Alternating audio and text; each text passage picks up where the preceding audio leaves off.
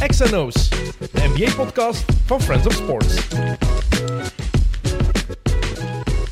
Welkom bij XNO's iedereen, de basketbalpodcast van Friends of Sports. En jawel, het gaat weer over basketbal gaan. De Super Bowl die komt er eh, komende zondag aan. Dus als u nog altijd wil weten wat u ja, echt in uw hoofd moet hebben voor u gaat kijken naar de Super Bowl, luister naar onze afgelopen aflevering, naar de vorige aflevering, beter gezegd, die over Tom Brady het eerste uur en daarna de preview over de Super Bowl met Jurgen en Leroy. Ook als je het nog niet interessant vindt of niet kijkt naar de American football, het kan interessant zijn en misschien ja, vind je het dan wel leuker om eens te kijken naar uh, die match, naar de finale van het NFL-seizoen. Maar um, deze podcast gaat vanaf nu alleen maar over basketbal gaan. Wordt nog altijd mee aangeboden door Bounceware. En deze aflevering komt uh, online een dag na de transfer deadline. Eigenlijk uh, na de trade deadline. Uh, maar daar gaan we het vandaag niet helemaal over hebben, want we nemen dit op woensdagavond op. Dus alles wat er nog gebeurt na vanavond, is, het is nu woensdagavond tien over zeven. Alles wat er straks nog gebeurt, dat gaan we u nog niet kunnen meegeven. Daar gaan we het volgende week wel over hebben,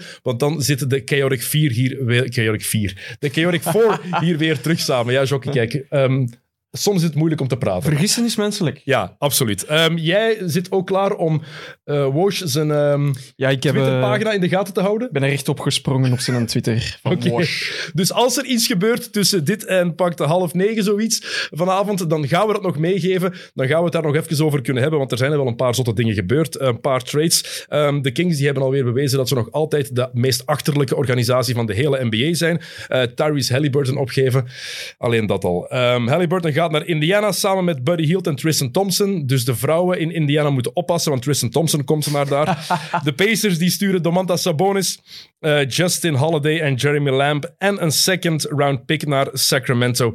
En ook CJ McCollum, die heeft eindelijk een nieuwe thuis. Na 100.000 jaar van trade-geruchten is die toch vertrokken um, bij Portland samen met Larry Nance Jr. en Tony Snell naar New Orleans. Um, gelukkig kent onze gast van vandaag ook wel iets van de NBA. Um, is nog maar een jaar of twintig co-commentator, denk ik, in het basketbal.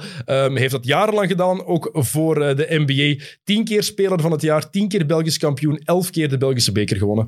Rick Samay, welkom. Dank u wel. Ik ben blij dat je hier eens zit. Ja, ik moet zeggen, uh, toen je me vroeg om dat eens uh, te doen, uh, zei ook van, ja, kom.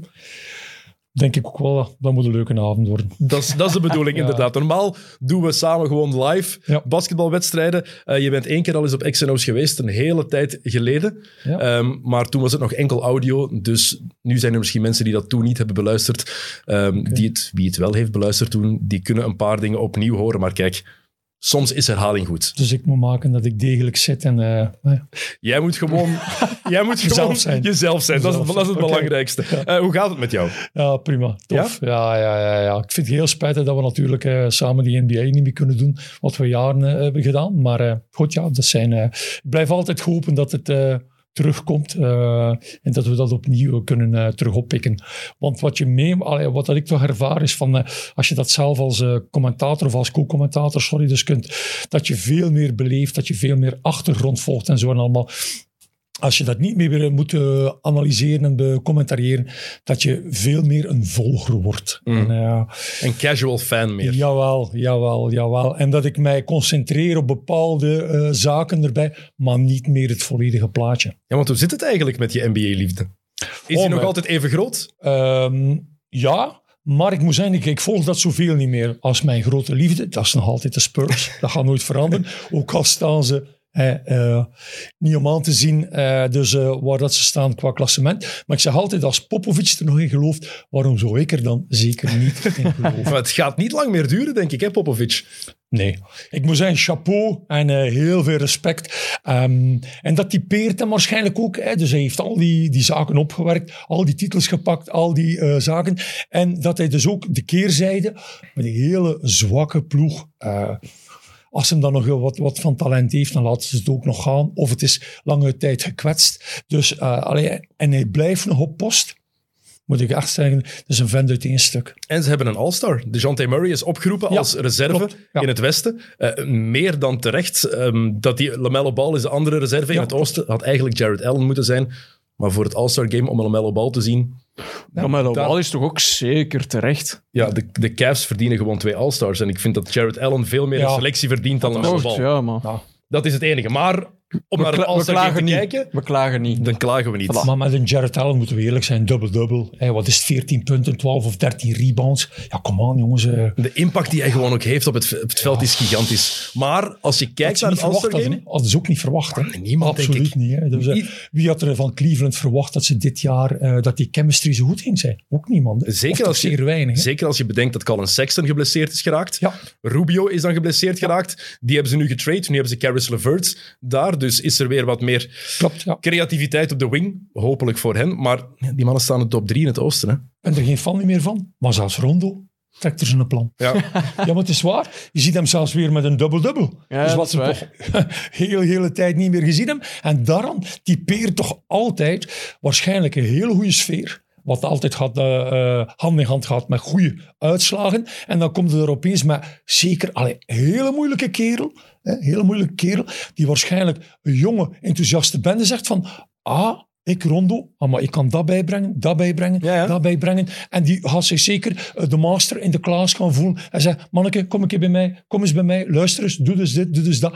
En die amuseert zich. Ik denk dat het ook wel helpt als je natuurlijk al jaar na jaar naar andere ploegen wordt gestuurd of gaat. Dat, daar word je wel een beetje nuchterder van, denk ik. Want als je kijkt na zijn topperiode bij de Celtics, is het bij Dallas meteen bergaf gegaan. En heeft hij die, ja, dat tweede leven gekregen eigenlijk bij de Lakers, maar enkel in de bubbel en enkel in de playoffs. Ja. Maar daarna was het weer wat minder. Hè. Dus ik denk dat het ook, er ook wel voor zorgt dat je met je voetjes weer op de grond komt. Ja, zeker. En uh, al, ik bedoel, uh, laten we zeggen, zijn carrière. kan niet zijn dat hij gestopt is bij de Celtics, maar het scheelt toch niet veel. Zijn topcarrière is Ja, daar er zijn nog een paar ups en uh, een paar opjes geweest, maar veel meer. Dan. En je zegt het zelf ook, hè, al die verschillende ploegen, maar ja, dat duidt aan dat je ja, op het webje zit van de trades. Hè. Absoluut. Nu staan ze officieel vierde, maar ze hebben hetzelfde record als uh, nummer drie Chicago. Het blijft waanzinnig dat ze daar staan. Uh, Cleveland en Toronto zijn in het oosten de twee ja. um, sprookjes op dit moment. Ook al, het is maf wat Nick Nurse met Toronto doet trouwens. Die speelt zeven man meer dan 30 minuten per match. Hè. Die, speelt eigenlijk, ah, die speelt gewoon met zeven spelers maar eigenlijk. Ja. Dat is... Maar we weten, allee, we hebben dat ook toch uh, al genoeg meegemaakt. Playoff uh, ruikend. Als je zeven jongens hebt, meer of 30 minuten, dan krijg je problemen. Hè. Ja, het gaat, ze gaan het nooit kunnen dat volhouden. Dit wordt waarschijnlijk... Laatst hadden ze meer dan 50 minuten gespeeld. Hè? Ik denk de vijf starters, dus. allemaal meer dan 50 minuten. Dus ja, okay, er, uh, daar hou je gewoon niet vol, hè? Dat hou je niet vol. En dan kom je opeens in een ritme van... Uh, dus oké, okay, dat ritme zijn ze nog wel gewoon. Maar hoe ver dat je in die playoffs geraakt, die makkelijke games, tussen haakjes, die zitten er niet meer bij. Hè? Nee, nee. Officieel zijn het er maar vijf die meer dan 30 minuten hebben, maar ze hebben wel... Gary Trent Jr. had er 34,8 gemiddeld. Okay. Dus eigenlijk is het allemaal boven de 35, die vijf. Dat is, dat is, dat is waanzinnig, gewoon waanzinnig. Dat is één. En tweede zaak, dat, uh, dat risico op blessures ook enorm verhoogd. Hè. En je weet, je speelt dat maar niet veel. Dan nog eentje die wegvalt, ja, dan mag je... Maar ze gaan nog wel iets doen. Misschien is het al gebeurd. Ja, voor de mensen die luisteren, want dit komt vrijdag online. Zij weten of het al gebeurd is of niet, want Goran Dragic, dat, daar gaan ze nog iets mee proberen doen, volgens mij. Um, wat wel duidelijk is, ja, de Kings. Ja, Kings gonna Kings, hè. Uh, dat, hoe, kan, hoe kan je zo nog, slecht blijven als organisatie? Ja, maar nogthans, een leuke organisatie om naartoe te gaan. We zijn een paar keer geweest al en uh, leuke fans. En zo en al Heel trouwe fans. Heel trouwe fans. En um, ja, wij, wij, wij gingen daar als neutrale of ja, dat is al in het voordeel van de andere ploeg. Dan moeten daar niet te veel tonen. nee, dan moeten daar echt niet te veel tonen. En dat is iedereen die daar binnenkomt. Die hebben allemaal... Uh, hey, ofwel hebben ze een t-shirt aan, ofwel hebben ze een... Uh, allee, ze hebben allemaal, allemaal hebben ze iets van de Kings aan. Dus um, we zijn daar naartoe gegaan. Hadden daar rap door. Uh, rustig. Maar je hebt gelijk. Ze weten dus niet... Allee, ze weten dus niet hoe dat ze moeten ploegen. Ze maken de ene steken. fout na de andere. Want Sabonis binnenhalen, oké, okay, dat is in die trade ja. de beste speler. Ja. Maar je moet ook naar de toekomst kijken. Waarom doe je dat nu? Om in de play-in te geraken? Want er is geen enkel ander nut om die trade te maken. En dan geef je Halliburton op de man die je net moet behouden. De ene gast die je moet behouden is Halliburton. En dan laat je die gaan. Ik, ik snap er niks van. Ja, maar play-in. Wat wil dat dan zeggen? Ja, dat je een kans maakt op de playoffs. Ja, maar wat ik, wat ik probeer te zijn is... Van, ja, dus dat is, dat is niet zeggen van... We gaan voor de playoffs. Hè, want zo, dat is te hoog gegrepen. We gaan voor die play-ins. Maar Sabonis uiteraard, dat is een speler dat je onmiddellijk kunt gaan inpassen. Oké, wat spelen we hier? Wat is mijn functie? Iemand die goed rebound, daar blijf ik bij. Die past zich heel snel aan in een team. je bent een goede rebound. Ah, oké, dat of dat, daar moet ik mij in passen. Dus je kunt dat onmiddellijk en heel goed gebruiken. Maar om daarmee te zeggen van, goed, mijn planes. Ten tweede, je gaat een heel jonge speler, waarbij dat je dus hebt zelfs nog niet uitgekeken of je rond die jongen doet het dus omgekeerd. Je behoudt hem je doet wel trades. Maar je brengt binnen bij hem en zegt van, we gaan op die manier gaan voor de Plains. Tuurlijk. Ja, goed. Veel beter idee. Aaron Fox had ik liever getrade in plaats van Halliburton. Nu ook, je haalt Sabonis binnen, maar Marvin Bagley zit daar nog altijd, of zat, zit daar voorlopig nog altijd. Ik ben benieuwd wat het gaat geven. Het gaat interessant Hield worden. Hield u ook niet weg, hè? Dennis, nee. hield u ook niet weg, hè? Ja, je kan hem wegdoen, ja, maar, maar niet voor wat je nu terugkrijgt. Dan moet je, er, moet je er meer voor krijgen, in mijn ogen. Het is voor mij vooral het Halliburton-gedeelte. Dat is iets wat ik niet begrijp. Dat is zo'n optie op de toekomst die nog redelijk goedkoop is. Ja. En dan laat je die zo gaan. Ja, krakte hier iets, Jokken. Ik hoop niet dat het de camera is. Uh, duct tape. Oké, dus, zolang, zolang, ja, kijk, Rick, sommige dingen hangen hier met duct tape aan elkaar. het is gewoon... Als je iets hoort kraken, dat zijn mijn knieën dus vast Daar gaan we het straks over hebben. over, die, over die knieën. Um, laatste ding over de trade deadline dat we al weten. Moeten we nu medelijden hebben met Damian Lillard? Wat ze bij Portland aan het doen zijn. Want daar geven ze ook alles ineens op. Hè? Wou ik ook net zeggen, denk je niet dat we ook Portland op, het, uh, op hetzelfde lijstje moeten plaatsen van Sacramento? Tja, nu tegenwoordig, bijna als je kijkt wat ze de laatste weken gedaan hebben, ze krijgen er amper iets voor terug. Ja, maar, maar alleen met een backcourt, Lillard en McCollum, ik denk niet dat daar het probleem ligt. Nee, maar je kan wel, als dat je twee beste spelers zijn, die allebei ook niet verdedigen, kan je niet winnen, denk ik. Misschien niet. Maar dan kun je wel proberen om het dus omgekeerd van zoveel mogelijk resultaten. En je hebt daar zeker een punt. Want als je kijkt, ze hebben Siedert uh, dat McCollum uh, meedoet. Dat is het zeven of acht jaar bij, de, bij, de, uh, bij, bij Portland. Hebben ze nooit veel resultaat gehaald. Hoeveel keer? Vier Eén keer de conference finals. Ja, finals. Maar hoeveel keer? Vier keer zeker van de eerste ronde eruit. Ja. Want dat was heel veel een verrassing ook. Hè. Oh my, Portland, ik die had ik toch hoger ingeschat. Die één keer vooral tegen, tegen New Orleans, tegen de Pelicans, waarin ze echt worden weggeveegd gewoon. Dat, dat, dat, je zegt dan, maar ook dat, ook, ook dat verhaal kan je volgens mij anders bekijken. Wat kan je gebruiken naast McCollum en Lillard om je team sterker, breder te maken? Als je iets meer defense nodig hebt, wat je weet dat je nodig hebt op de one-two spot. Wel, kijk daar in die richting en zoeken ze een goede vier-speler. Wat ze ook nooit hebben toegevoegd. Nee, Larry Nance zat daar, die kon wel iets, maar ik, ik, denk, dat, ik denk dat het effectief, die twee samen ging niet werken. Dat is waarom ik ook New Orleans niet snap. nu hebben ze Devante Graham en CJ McCollum. Daar gaat, gaat het ook niet mee lukken, in mijn ogen. En dan is het nog wachten op Zion Williamson, want waar is Zion? Niemand weet het. Waar die mens blijft. Er is al maanden geen nieuws meer over Williamson. dus, er wordt toch ook al gezegd, allee, wat ik ervan gelezen heb, dat hij nog zo again on weight. Ja, dat is Als een... dat nog het geval gaat zijn, dan gaat hem uh, echt de waarheid. Uh, uh, bij ons in Oostende, het bosje, hè, dat je moet lopen. En als hem daar één toertje gaat lopen, dan gaat hij hem gewoon inklaaien. Dat, dat, dat, is... dat hou je fysiek gewoon niet vol. Ja, ja, maar goed. Niet alleen fysiek ga je niet vol, om ten tweede, als hij fysisch dan nog kilo's gaat bij hebben, ja, dan is dat de vogel voor de kat. Hè. Dan trekt hem zijn lichaam gewoon kapot. Mm, absoluut. Goed. Jocke, als er iets gebeurt, roep. Ja, zeker. Ik ben heel benieuwd of we nog iets gaan hebben. En dus volgende week met de Chaotic Four, dan zitten Niels en Tyler hier ook weer bij. En dan gaan we het daar uitgebreid over hebben. Er, is, er gaat veel op de Kings gekakt worden, denk ik. Heel veel.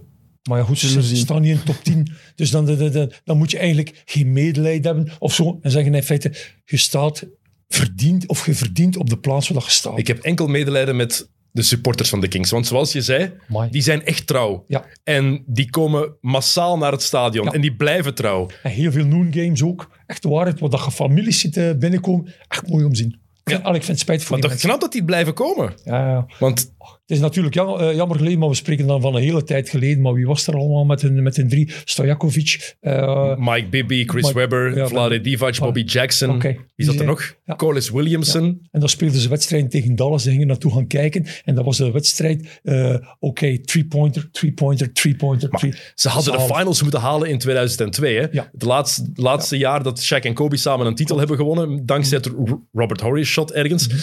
En voor een deel dankzij de scheidsrechters. En omdat ze in overtime van Game 7 ook ergens ja, Maar daar zijn we ver hebben van. laten zitten. Als je nu kijkt, daar zitten we ver van. Hè. Dat is twintig jaar geleden ook al. Hè? Ja. Dat is het, eigenlijk de laatste keer dat ze echt nog contender waren. Dat is twintig jaar Is geleden. de nieuwe zaal er ondertussen gekomen? Nee, hè. Goeie vraag. Ik dacht van niet. Geen idee eigenlijk. Dat was toch ook altijd iets van de, new, de owner en new gym. En, Ja, want, want Kevin Johnson, de voormalige speler van de Phoenix Suns, Ja. was burgemeester van Sacramento. En die heeft daar toen nog voor gevochten dat Sacramento niet naar Seattle zou verhuizen. Dan moet je eens opzoeken, Joker, of die een nieuwe zaal hebben ben, gekregen eh, uiteindelijk. ja. Ja, dat is... Want anders gingen ze naar Seattle gaan. Als dat ook niet het geval is, ja, dan typeert het nog veel meer. hè. Dus Sinds, eh, sinds 2016 spelen ze in de in. Golden ah, One. Center. Golden. One Center. Ja, Ja, ja, oké. absoluut. Wist ik. Maar wauw. Kijk, het is, eh, het is woensdagavond. Zo'n dingen gebeuren dan. Pintje. Eh, nee. nee ehm, de Pelicans die gaan wel verhuizen naar New Orleans, denk ik trouwens. Het gaat daar niet lang meer blijven duren. ben ik niet van verrast. Het werkt Eh, daar niet, hè? eh, nee, Basketbal nee, in, nee, eh, in eh, New Orleans. Twee keer geweest ook. En eh, weinig publiek, weinig ambiance, weinig eh, beleving. Ehm, Nee, ik ben Want- er echt niet van Want eh, buiten, verrast. want buiten wat je als co-commentator deed, jij maakte met je vrienden, voor, het- toen het nog kon, eh, voor corona, Ja. elk jaar een NBA-trip. Maar normaal gezien gingen wij eh einde deze maand, zaten wij normaal in Miami. Maar we hebben het uh, omwille van de te veel risico- risico's, hebben we het dus niet gedaan. Hopelijk kunnen we in november gaan kijken naar Miami. Naar, ga je naar Miami Ja. en naar Orlando of alleen naar Miami? Eh oh, dat hangt er vanaf. Soms wijzigen wij on- on- onze Ja, ja. planning als, er, als we er zijn. Eh, maar zeker Miami, laat het mij zo noemen. Dus eh, De moeite. ja, zeker de moeite. Uh, goeie ploeg. Ehm, en volgens mij eh, in het oosten, degene die nog een move gaat doen, nu, dus tussen nu en vanavond. Straks. En de, de juiste move, die gaat er volgens mij iets boven steken. En daar gaan we naartoe kijken in juni. Ja, ik ben heel benieuwd. ik ben heel benieuwd. Doe je dat altijd met hetzelfde groepje eigenlijk? Jawel, we zijn dus met zes, er mag niemand bij. Is het echt? Ja, tuurlijk, omdat wij weten wat we willen. We hebben maar één, eh, dus, oh, sorry, er staan maar, de zaken die vaststaan zijn de wedstrijden. Al de rest is improvise. Mhm. En ja, op reis gaan met mensen, dat is niet altijd gemakkelijk. Nee. Dat is zo, zeker Maar als je een maar wij bepaalde groep ons hebt. zes, Daarom. Dat is fantastisch. Als je dan weet hoe het, hoe het, hoe het klikt, dan Ja, moet je daaraan we staan vasthouden. s morgens op en eh één heeft de goesting om iets te doen en, eh, en dat doen we. Ik moet ook zeggen, we zijn eh, soms komen we uit het hotel en komen in een hardrock café, goede muziek, ah, en dan zitten we daar vijf uur vast. terecht. Dus, eh, Kijk, op vakantie, enkel de wedstrijden die hebben, allee, dat is prioriteit. op vakantie is het allemaal terecht. En alles kan. Zijn dat dan ploegmaats van u? Of? Eh, het zijn jongens die allemaal eh, betrokken zijn bij eh, basketbal. Koen Bolle is denk ik de, eh, bij de oudere mensen die zeker gaan weten, die eh, ook 15 jaar in eerste klas heeft gespeeld. Anderen, eh, mijn schoonbroer en een paar hele goede basketbalvrienden. Zie. Mooi, hè? Mooi. Ik vind het heel mooi. Ehm, mis je dat eigenlijk, het commentaar geven echt op NBA-matchen, maar Ja. los van gewoon Ja. de matchen bekijken en er meer mee bezig zijn? Jawel, jawel. Ook dat commentaar geven, ook eh, zeker die, die rechtstreekse wedstrijd vond ik gewoon fantastisch. Het is wel Ook jammer, s'nachts. wij zijn nooit samen ter plekke geweest. Nee, nee. Ik ben er eh, geweest met Erik en met, eh, met je voorgangers. Met Johan. En met Johan, Ja. ja. Maar je hebt je wel eigenlijk een beetje in het zak laten zetten door Tony van den Bos altijd, hè? Oh, nee. Nee, absoluut niet. Ik moet zeggen, dat was een overeenkomst. Ik weet het, Ricky. En ik ben zo iemand We van... mogen met Tony lachen af en toe. Oh, ja. Goh, die zal er zelf mee lachen. Daarom. Maar ik, ik, allee, ik ben ook iemand, de principieel, een deal is een deal, afspraak is een afspraak. En dan eh, is dat later eh, teruggekomen dat ik eh, de eerste twee deed en dan kwam eh, Tony voor de rest. Hij heeft het goed geregeld wel, hè, Tony? Ja, Echt, ik schrik er ook niet van dat Tony het zo kan fixen. zijn er zaken dat hij niet goed regelt. Nee, dat is waar. Daarom dat ik het zeg. Ik schrik er niet van dat hij het zo fixt. Maar ik kan, eh ge- allee, ga nooit geen kwaad woord horen over Tony van mij. En terecht. Nooit. Is jouw, jouw coach ook nog, jouw bondscoach nog geweest? Moet je eens weten wat dat hij allemaal... Ik heb ermee gespeeld. Was my roomie. Allee, voor de keren dat hij in de kamer was. Eh, nationale ploeg. Assistant coach in Mechelen. Headcoach nationale ploeg. Collega, co-commentator. En goede vriend. Ja. Ik denk dat je telefoon hebt trouwens. Ja, maar dat, eh, ik zit er altijd tegen. Je hebt mijn nummer, bel maar terug. Oké, oké. Uh, maar ik vond het ook inderdaad wel jammer, want ik ben één keer met Tony geweest. uh, twee weken met Tony in San Antonio Miami. Een avontuur. The Riverwalk. Ja, heerlijk. way. Twee weken lang. Was echt was, was de moeite. En daarna ben ik met Thomas uh, één, keer, uh, één keer mogen gaan. Um, maar ik, ik dacht er altijd over na. Toen jij dat dan deed, dacht ik van... Hoe goed heeft die Van den Bos dat gefixt?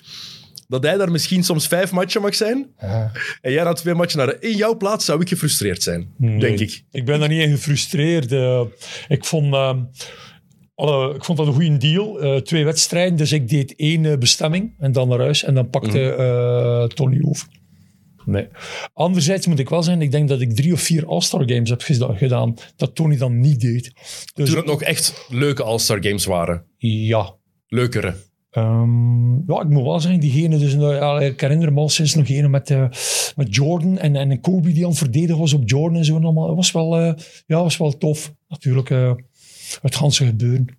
Ja, het is fantastisch natuurlijk. Ja, het All-Star Game is echt zo'n circus waar iedereen dan samenkomt. Hè? Waar je effectief iedereen kan zien en ook met iedereen kan praten. Ja, en dan hadden, als je dan de persconferentie zet, dan hadden niet naar, allee, dan hadden niet naar Kobe press, maar dan zoekte met wie heb ik een, eh, een uur zitten babbelen? Met McDice zeker. Dus die, niemand ging naar hem. Tuurlijk niet. Eigenlijk fantastisch. Ik zeg, ah, vindt er niemand dat jij goed genoeg bent? ben ik een klapje gaan doen met hem. En ook hij vond dat dan wel, uh, wel tof. Want uh, ja, je moet daar gans je periode zitten van, uh, van de persconferentie. En niemand... Ah, goed, ja. De andere kan je toch nog zien en kun je volgende headline, of de hoofddingen die gezegd zijn, kun je toch nog altijd volgen. Maar dat zijn jongens die echt wel interessante dingen hebben te vertellen hoor. Uh, hetzelfde met Mutombo heb ik ook eens gehad. Alhoewel, dat stond ik niet alleen. Die had heel veel van de niet-Amerikaanse die altijd geïnteresseerd waren in het verhaal van uh, die Kembe. Absoluut, dat snap ik helemaal. Wat is de leukste verplaatsing die je hebt mogen maken als co-commentator? Die hebben we allemaal gedaan. L.A. heb ik gedaan. Je bent uh, begonnen in 2002, 2001?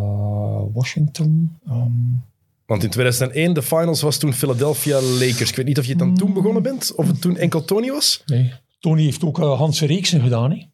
Dus uh, oh, ik denk dat de leukste dan wel uh, Miami had geweest zijn, die eerste twee. voornamelijk dat ze de... Dat die tweede wedstrijd... Nee, Orlando. Orlando. 2009. ja, Orlando. En dat ze die tweede wedstrijd zelfs winnen. En dat het uh, met een 1-1 stand dat ze terug naar uh, LA gaan. Ja, was tof. Oké, oké, mooi. Um, ja, welke spelers die je in het echt hebt gezien hebben eigenlijk de meeste indruk op jou gemaakt? Die ik in het echt heb gezien? Ja, die je echt in real life hebt zien spelen, NBA-spelers. Want ik, ik, heb het hier al vaak herhaald. Kyrie Irving, voor mij steekt daar ergens nog altijd bovenuit qua pure schoonheid van zijn spel. Stephen Curry, de opwarming zien om daar effectief zo dichtbij te staan als wij nu van elkaar zitten dat is ook redelijk indrukwekkend. Ja, LeBron zien is, ja, dat, is, dat is LeBron. Kevin Durant zien, daar schrik je ook van. Een kerel van 2 meter 13, 14 die zoveel dingen kan. Ik denk dat ik, um, uh, als ik een keuze mag maken, ga ik ofwel voor uh, Olajuwon -hmm. of ga ik ofwel voor uh, Tim Duncan. Waarom? Omdat dat veel meer spelers zijn die uiteraard de positie benaderen die ik uh, op een veel lager niveau zelf heb gespeeld. Hè. Dus, uh, maar wel twee complete contrasten qua, ja, qua manier van, jawel, nee, jawel, qua manier van spelen op esthetisch vlak tenminste, qua stijl. Want allebei defensieve powerhouses on the block niet te stoppen. Er zitten veel gelijkenissen Maar op een andere manier. Wel op een andere manier. Hè? Ja, dus, helemaal uh, anders. On the block totaal anders. Uh, ik vond niet dat Duncan zoveel finesse had. Omdat Olajuwon had wel die finesse. De souplesse ook, hè? Uh, daar, ja, komt daar ook nog bij. Je kunt ook Alleen is ook het verschil dat je hebt tussen Olajuwon ook Afrikaan, dus soepeler. Veel. Je kunt niet zeggen dat Tim Duncan uh, een soepeler speler was. en later ook dus met, met, zijn blessures werd hij hoekiger. En, uh, maar toch, uh, de efficiëntie ook. Maar Duncan ook in zijn jonge dagen, toen hij van Wake Forest kwam, was meteen top. Want het was rookie, all-star ja. in zijn rookiejaar. Tweede jaar wint hij de titel, wordt hij finals MVP. Maar het is nooit zo heel heel soepel geweest. Hè? Het is nooit de mooiste speler geweest. Nee, en ook nooit um, um, top 3 geweest of top 5 geweest qua uh, exposure en zo en allemaal. Nee, nooit. Daar kwam hij niet... De, allee. Als je in San Antonio zit, is dat natuurlijk wel een risico.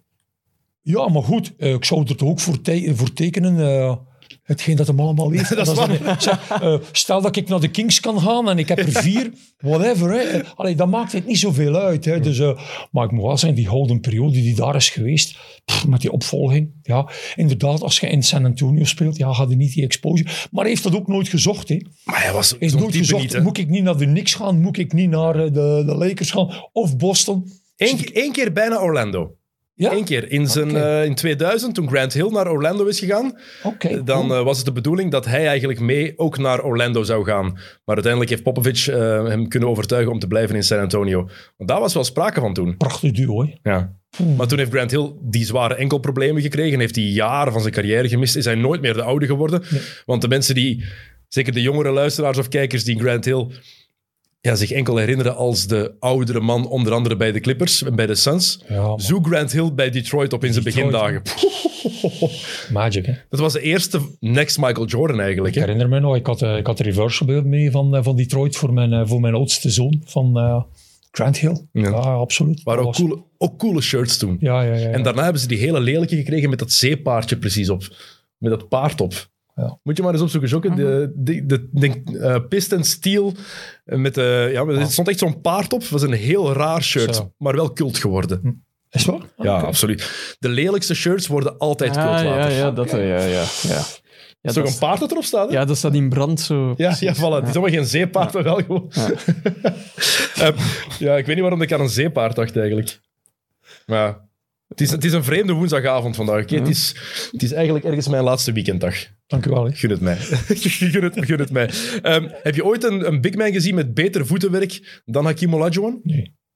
Nee. Ik denk niet dat dat bestaat. En Beat komt wel in de buurt bij Ja, momenten, komt moet ik de- zeggen. Zeker dit jaar. Wat is dat voor iets geworden, zeg.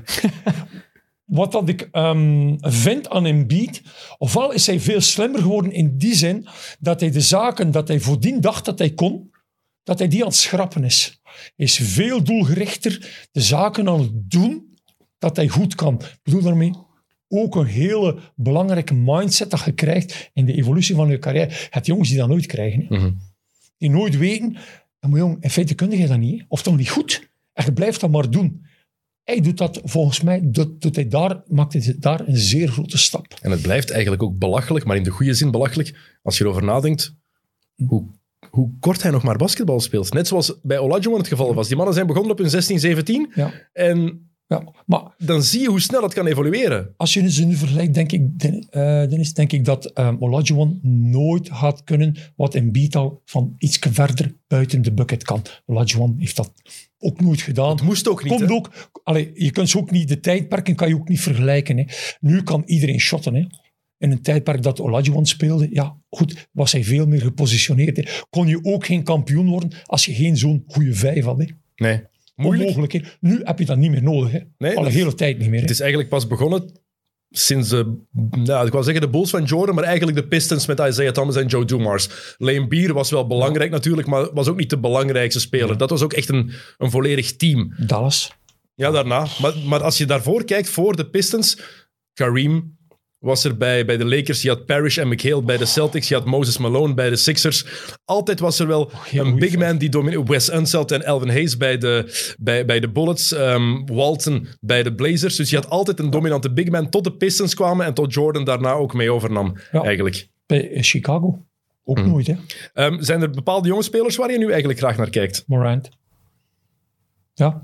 Dat is een juist antwoord. ja nee, goed, ja, oké. Ik, ik, ik ben gewoon, ik ben ehm, ongelooflijk fan van die jongen. En ehm, we gaan er nog veel van horen. Ik hoop het. Volgens mij gaat hij ook niet in Memphis blijven. Ook daar... eh, misschien dat... eh, maar goed, als hij er blijft... ehm, Ik zie daar net heel veel Damian Lillard. Dan moet er wel... Maar, maar, allee, ja, hij, hij- hij- er moet nog bij komen. Maar dan mag het niet zo'n Damian Lillard verhaal worden. Want Nee, maar dat is hij, nu hij wel- heeft gelukkig al Jaron Jackson Jr. Oké, LaMarcus Aldridge was er in, in het begin ook bij Lillard. Maar ik denk dat ze bij, bij Memphis wel een hele goede, duidelijke structuur hebben. En dat ze weten waar ze naartoe willen. De ploeg die ze nu hebben bevalt mij bijvoorbeeld al. Maar Enorm. Zes, zes, zeven jaar geleden zaten ze er ook zo dicht van om echt contender tot en met te zijn. Ja, maar toen hadden ze niet die ene superster. hè. En die hebben ze nu wel. Morant is echt wel, als je kijkt naar die ploeg toen, Tony Allen, Mike Conley, Marc Gasol, Zach Randolph, Tayshaun Prince. Zeer in de breedte. In de breedte. Zeer in de breedte. Nu hebben ze die superster. Als ze nu natuurlijk de, de brains hebben, of laten we zeggen de ingesteldheid hebben van oké, we have the superstar, en dan weten we dat we in de breedte... Maar als je in de breedte, dan volg ik Jokken, dan moet je geen Lillard gaan binnenbrengen. Nee, nee laat hem er dan maar staan. En dan, of als je er één naast brengt, moet je ene brengen met dezelfde attitude of hem. Mhm. Geen cocky one, maar iemand met, eh, die naast elkaar goed kunnen fungeren en dan met een heel goede backup. En die het ook aanvaardt volgens mij dat hij de nummer twee is na Jamorant. Want het is zijn ploeg, het gaat zijn ploeg en zijn stad blijven. Hè. Memphis. Je bedoelt die kerel die er moet Die komen. erbij zou komen dan? Absoluut, ja, absoluut. Ik geloof nog altijd dat eh Jaron Jackson Jr. zich echt kan ontwikkelen tot echt die nummer twee optie. Want ze hebben met Desmond Bain daar ook een gast Mhm. waar ik enorm graag naar kijk. Waar ik schrik van zou hebben op een basketbalveld. dat is een tank en die is niet onder de indruk van niemand. van niemand. Heb je gehoord wat hij tegen LeBron heeft gezegd op een gegeven moment? Blijkbaar kwam LeBron eens een keer aan voor een blockshot. Het lukte niet. En heeft tegen LeBron gezegd: These, footstep, these footsteps ain't scaring nobody. dus die mannen zijn gewoon zo zelfzeker van: hey, we hebben een goede ploeg. Wij staan er. Vind ik, vind ik heerlijk. Um, onze luisteraars van onder de 30 jaar, Rick, Ja. die kennen jou als analist, maar die ehm, kennen jou misschien ook alleen als analist. Logisch, hè? De kans bestaat wel, hè? Ik denk dat die kans eh, niet alleen bestaat, maar dat die gewoon eh, zo is. Ja, want wij kennen elkaar al een hele tijd, maar wij hebben elkaar leren kennen in het jaar dat jij voor de laatste keer bent verkozen tot speler van het jaar. 1994. Ah, oké. 28 jaar geleden is dat intussen al. Wauw. Ja. Het eh, iconische Van Kers basketbalkamp. Zeker in die tijd was het, nog, was het nog maar één week. Ja. Nu is dat twee weken, is het veel groter geworden. Maar als je kijkt wie dat, dat, hoe het er toen aan toe ging daar, Ja. Pittig. ja, heel pittig. Zeker de trainingen. Ja, heel pittig. En dan de vrijdag namiddag keek iedereen uit dat de campers al mochten spelen tegen... eh, ja, De All-Star Games keken we naar uit. Dat de ouders terugkwamen, keken we niet naar uit. nee, nee, nee. Dat was het hele rare. Wij, wa- allee, wij waren blij dat, ik ga zeggen, wij als instructeur, wij waren blij dat het gedaan was. Want ik herinner me dat dat eh, weken waren. Ja, goed, ja. Ik denk dat wij geen, eh, geen 30 uur sliepen in. Ik ben ook was- drie jaar coach geweest daar. Hè. Ah, oké. Dus. Je, je kent het. Je weet wat dat, weet dat was niet... Zeker als je toezicht moest, moest houden op de, op de zalen, waar ze met 24 lagen. Ah, oké, want ik wou va- van te, van te veel te drinken en zo. Toch? Dat was er ook, maar dat was er eh, meer dan bij. Dat was voor Ja. ons, dat was echt een week, ja, vakantie tot en met. Eh, alles, oh, de meeste spelers van Mechelen waren dat toch allemaal. Ja, ja. Als, En, het eh, eerste jaar was indrukwekkend wie daar toen allemaal was. Ja, ik vind dat wel heel cool dat je daar Ik herinner mij nog heel goed. Ik, ik, Allee, dat Nog altijd, hè? is had, toch eh, ondenkbaar? Ja. ik had, ik had een week ehm, en ik deed de big, de big Man. En ik denk dat ik drie vierden van de nationale juniors had. Dus dat wil zeggen, als je zaken aan, aan, aan aan het voortonen, ja, dan moet je, de, allee, moet je teen uitkuisen. Hè. Je, moet er niet iets zeggen of iets tonen van, ja, ik ga het maar eh, half en half doen. Hè. Dus dat was eh Yves Dupont, Van Halen, ehm, een zekere Marx. Allee, ik bedoel, allemaal jongens die verdomme goed kon spelen. Dus eh je gaf er een hele week training al. Ik wil maar zeggen, je moest het verdorie goed doen. Hoor. En die kerels, die kwamen daar om te trainen en niet om... eh, Nee, nee, die wilde ook zich laten zien. Ja. En nog meer ontdekt worden misschien en nog meer kansen Ja. krijgen. Ik weet, Jeff van der Jonkheid, ex-speler van, eh, van, van RBA, van de Giants, die is ontdekt op het Van Kers basketbalkamp als eerste echt. Toen is hij eruit gesprongen en dan heeft hij een profcarrière kunnen maken. Jammer genoeg veel geblesseerd geweest, maar daar is hij voor het eerst echt in het oog gesprongen van mensen. hè? was, was niet iemand die heel vroeg of eh, heel rijp was. Hè. Heeft ook op, allee, later, de snaakjes, zijn, eh, zijn allee, hetgeen dat hem kon uitgebreid, allee, uitgebreid getoond dan. Hè. Absoluut. En Jocke, om op je vraag te antwoorden, werd daar wat gedronken? Je moet weten, dat was in het, het Sporta Center in Tongerlo. Dus daar is Tongerlo van het vat. Kijk. Uw reactie. Ja, maar ja. Heerlijk.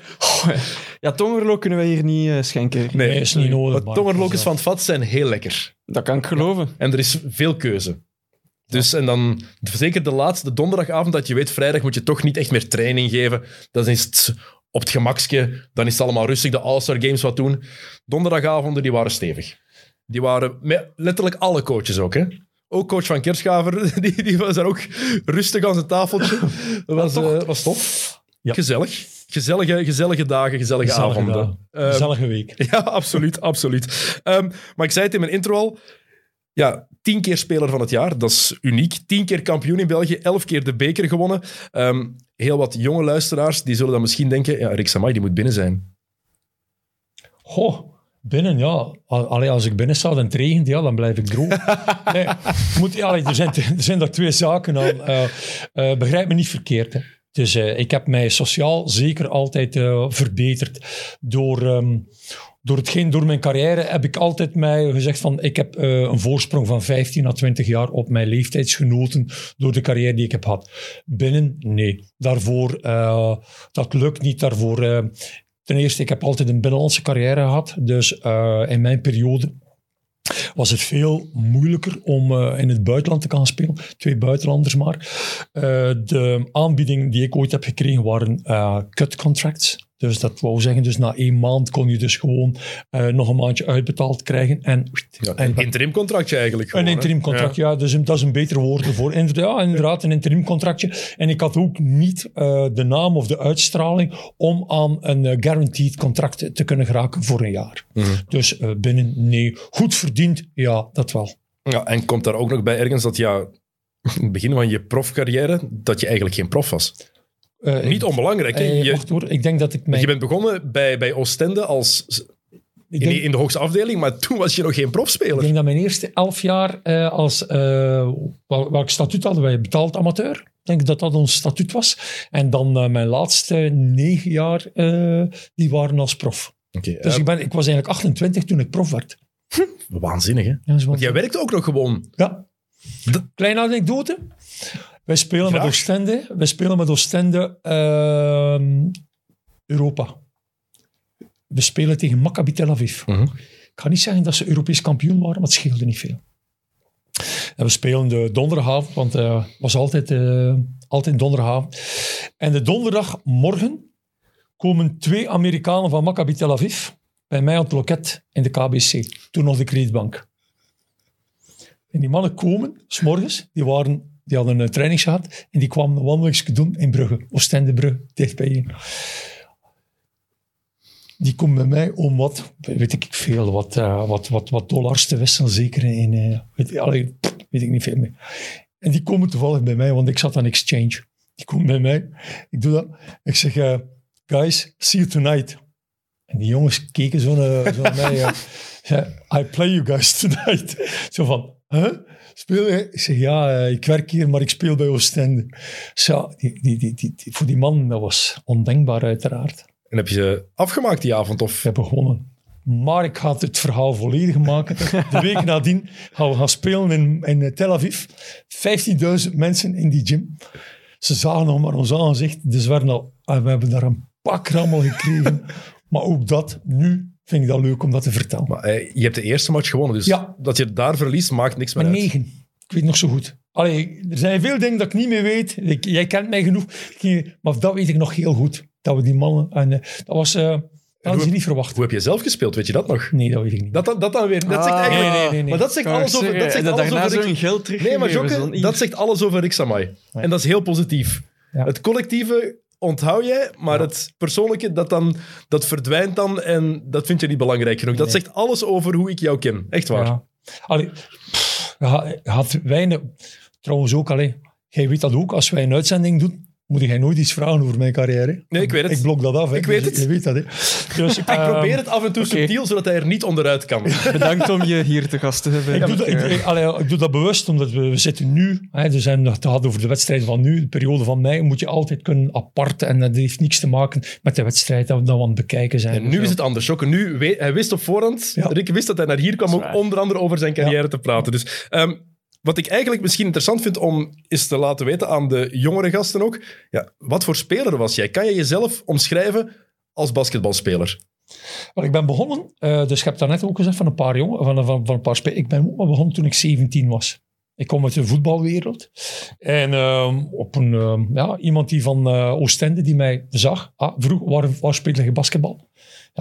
Niet. Dus uh, laat begonnen. Maar ik moet wel zeggen, ik heb heel veel individueel doelgerichte training gekregen van coach Van Kers. Heel veel apart getraind. Dus, die toen ook bij Oostende zat? Die toen ook bij Oostende zat. Dus wij trainden elke week trainden wij zeven à acht keer individueel. En wat zagen ze dan in jou, zodat ze wisten dat is een basketter buiten je lengte? Of was dat het enige? Ik was een voetballer. Ja, da daarom. En, en, en ik, kwam, ik kwam voor Sporta kwam ik met, met, met, met een groepje jongens kwam ik, uh, die begeleiden en die kregen basketbaltraining. En er was er iemand van, van, van het uh, bestuur van Oostende die zei van, ah, voor een grote street, die mee, ken ik die niet. Maar zei je niet geïnteresseerd om een keer te komen trainen? En van tien komt de ander. Ik moet wel zeggen, de coach heeft altijd gezegd, coach van Kers zei altijd van, na één training zei hij wel van, wow, die gaat zijn plan trekken. Hij zei ook van, alle mensen weten niet in hoeverre dat je verder... Hè, want je weet nooit wat dat uw muur is. Hè, over welk muurtje, waar, waar gaat het eindigen qua plafond. Maar ik was, uh, na veertien dagen was ik inzetbaar. is toch... Maar bij, bij ik de, trainde 14 wacht, dagen bij basketbal. en bij de jeugdploeg of bij de eerste ploeg? Nee, bij de ja, kom. Bij de scholieren. Toen bestonden nog scholieren. Dus ik was toen 17 jaar. Scholieren was 16, 17 jaar. En ik deed mee. En wanneer mocht je bij de eerste ploeg meedoen? Hoe oud was je toen? Eh, ik ben begonnen in september. Niet verschieten. In december. Maar alleen. Maar, Echt? In december. Wauw. Vier maanden later. Dat is waanzinnig. Dat is ze spelen. Hè. Gespeeld. Hè. Dat is echt dat is Vind niet ik ook. normaal. Ja, ik ook. Kun je altijd... eh, ja, goed. Wat, wat had je toen? Twee Amerikanen. Dit, eh, noem maar op. Vijf fouten, vijf fouten. En dan zit je daar, eh, verkleumd. Ah, spelen. Eh, op het veld zelf. Wat voor speler was jij? Hoe, Ehm, wie was Rick Samay als basketballer? Ik denk, ehm, als, je, als je mij moet typeren, intelligent op een veld. Eh, denkend, vo- denkend voor het volledige team. Zelfs op jonge leeftijd. Ehm, ik denk, mensen die mij later hebben zien spelen, zeiden altijd van, ja, eh, oké, defense is your best, eh, is your best. Maar ik, ik denk dat ik mij weet herinneren dat ik eh één of twee seizoenen heb gedraaid aan meer of 20 punten gemiddeld per, per wedstrijd. Dus dan kun je wel een goal maken, hè. Ehm, was, ik, ehm, was mijn shot goed genoeg? Nee. Maar ik kon wel scoren. En had een zeer goed loopvermogen. Snel loopvermogen. Dus eh, eh, jongens van eh 2 en 6, 2 en 7 die dat loopvermogen niet hadden, ja, die hadden een moeilijke avond met mij. Dus, omdat ze dus die transitie, die offensieve transitie, hadden ze problemen mee. Ehm ehm, had mij even niet in de gaten, dan duwde ik de balken binnen, offensief. Ehm, goed gevoel, wat dat die bal ging vallen en zo en allemaal, dus dat wel. Goede move inside, goed voetwerk, eh, aangeleerd van Van Kers. Ehm, een van mijn grootste voordelen, ehm, ik heb niks verkeerd aan, ik ben niets verkeerd aangeleerd geweest. Nee, je, je bent meteen getraind geweest Ja. door de beste. Ja. Ik denk dat je, ja, of op Belgisch niveau denk ik dat je dat niet beter. En dan nog als 18 jaar Ron Adams. Mhm.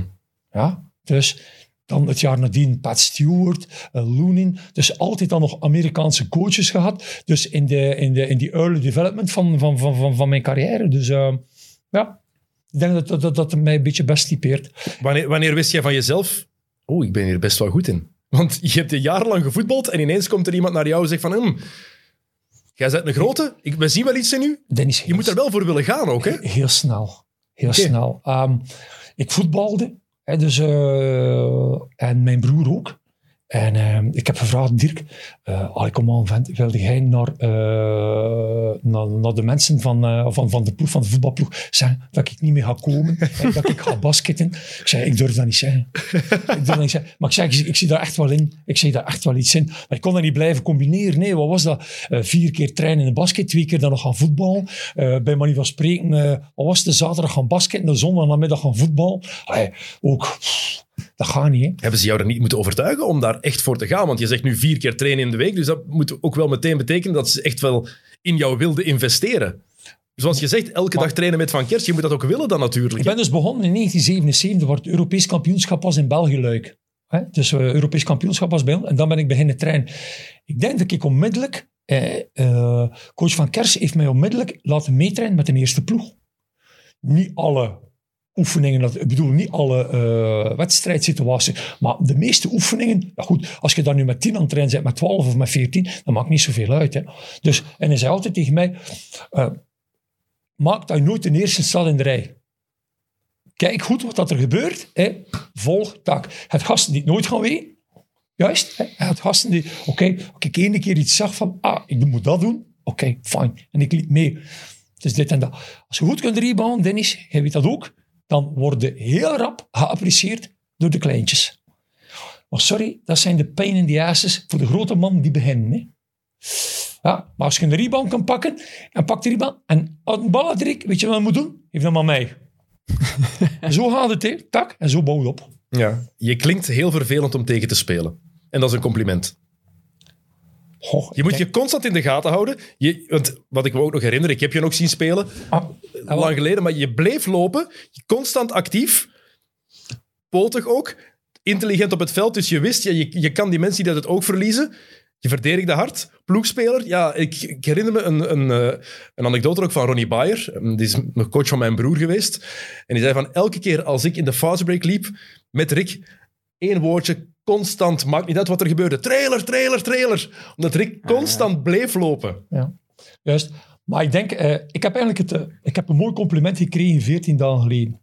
Via eh, Rudy Koeshart van uh, Wijnenbrugge ik, eh, kon ik in contact komen met Tony Parker senior. Hè, Tony zijn papa. Die bij Brugge gespeeld heeft. Die bij Brugge gespeeld heeft. Daarna kwam van Leiden, dacht ik. Bij Merksem ook gespeeld. Oké. Ja, bij Merksem ook gespeeld. Dus en een kleine reunie en dit en dat. En ik, zei, en ik vroeg, eerlijk gezegd vroeg ik aan hem, zeg, maar wat herinner jij nog van mij? Ik weet één ding nog, zegt hem. Als ik speelde tegen jou, moest ik altijd kijken waar jij was. Want als je dat niet doet, dan had ik pech. Ik vond dat een mooi compliment. Ja, en dat is eigenlijk, om het even te vergelijken met hoe het nu zit, op een compleet andere manier, andere positie, andere manier van spelen. Maar wat ze in de NBA hebben met Stephen Curry. Je moet die altijd in de gaten houden, omdat die altijd iets kan doen. En bij hem is dat natuurlijk van achter de driepuntlijn ook vooral, maar je, je kan die niet uit het oog verliezen. Je hebt sommige spelers waar je van weet, die staat daar, James Harden, die staat daar, die gaat er over tien minuten nog altijd staan. Sava, die kan ik, als ik, als ik die half in de gaten hou, is het in orde. Ja. En dat, dat ge- geloof ik inderdaad ook bij, als ik, Ja. wat ik me herinner van jouw manier van spelen. Was- inderdaad, je, je bewoog ook constant. was niet altijd om te scoren. Hè. Maar ik, eh, ik, allee, ik voelde heel goed aan. Heb me niet in de gaten. Dan ga ik wel staan op de positie waar ik van nut en van belang kan zijn voor mijn, eh, voor mijn ploeg. Hmm. Kon ook ja, twee of drie stappen verder al denken dan, dan mijn medespelers. Ja, dat is ook een van de redenen ongetwijfeld dat je al zo snel bij die eerste ploeg zat. hè. Als dat niet in je had gezeten, Misschien dan krijg je die kansen veel minder. Nee. Of je moet fysiek uitzonderlijk zijn. Ik, ik denk dat ik een van de eerste, dus ehm, ja, het is toch al ondertussen al eh, een kleine ja, 43, 43 jaar geleden, dus al een tijd geleden, denk ik de eerste eh, speler van 2 en 4 was die echt kon lopen, spurten, bewegen. Niet de klassieke big man die zich gewoon op de blok zette en Ja. dan terugschokte. En, staan, ja, dit en Ja. dat. En eh, zich eh, allee, bewoog van blok naar blok. Nee, ik, ik had echt wel, ik kon door dat midden echt wel... eh, ik was in het voetbal, werd ik teruggedrongen, werd ik traag. Hè, dus door mijn gestalte, omdat ik kleiner... En ik kwam in het voetbal, eh, sorry, in het basketbal. En dat was voor mij een enorme, een enorme omschakeling. Daar was ik opeens bij de, bij de snel, want dan moeten beginnen uh, loopoefeningen doen. Maar niet met de kleintjes, uh, niet met de guards en de two guards, maar wel met de vier en vijf spelers. Hè. Op welke positie stond je op een voetbalveld? Uh, Vraag ik, was, me nu af. Ik was in, In de goal. Uh, wat, je weet dat ik niet veel ken van voetbal. Hè? Ja, de midden, dat is het. Dus die mens komt uit een voetbalfamilie en weet niet... Maar ik ken er niks van. Ja, ik volg dat niet meer. Heerlijk. Uh, midden, midden. Wat is dat? Een zeven? Kijk, nee, een, een, het is een mid-mid. Het is een acht? Uh, Het is acht. acht. Zeven is een flank. Ah, Dus dan, een- dan een acht, ja. Maar wij speelden in, in een opstelling 4-3-3. hè.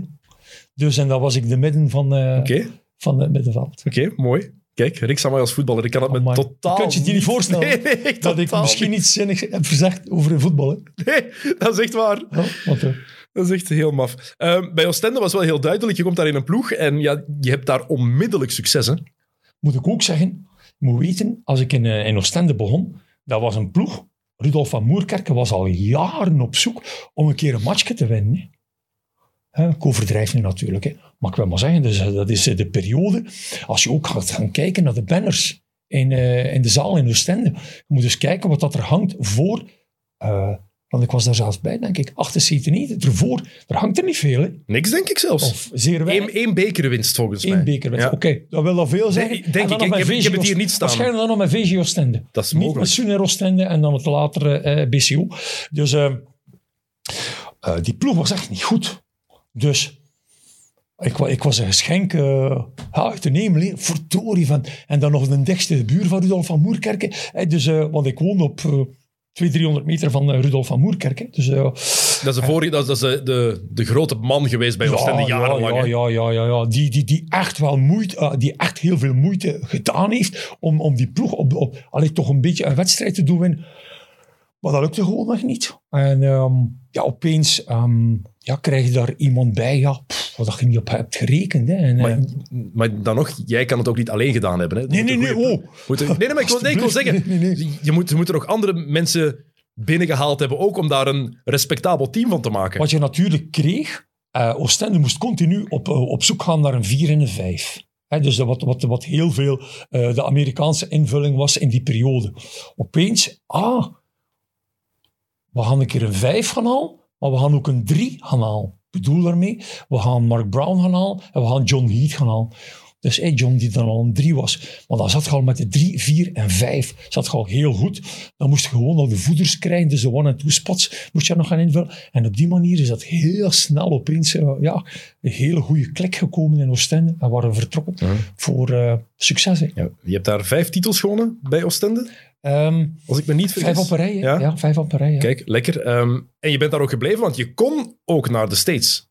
Op een gegeven moment. Je kon wel niet uh, professioneel, maar je kon in college gaan spelen. Ja, ja, ja. Eerste aanbieding was Marshall University, die een degelijke uh, Division One uh, college was. En dan de tweede was Fresno State. Hè. Was samen dan met, met Ron Adams, die toen bij ons weg teruggekeerd was naar de States. En Fresno First Division ook deed. Ja, Fresno State, dat is ook het college waar Paul George vandaan komt. Ja. Um, en Ron Adams, ja, jarenlang assistent geweest van onder andere Tom Thibodeau bij de Bulls. En onder andere titels gewonnen met Steve Kerr ja. bij de Golden State Warriors. En ja, dat is gewoon de coach van Oostende geweest. Ja, bij mij thuis geweest. Um, maar ik ben te conservatief gebleven. Als, als er één iets is dat ik had moeten anders doen, ik plaag mij niks van, je mag dat niet doen in het leven, maar dat had ik anders moeten aanvatten. Voornamelijk ook mijn vrouw, die stond daar niet 100, maar die stond daar 200% achter. Om te gaan? Om te gaan, uiteraard.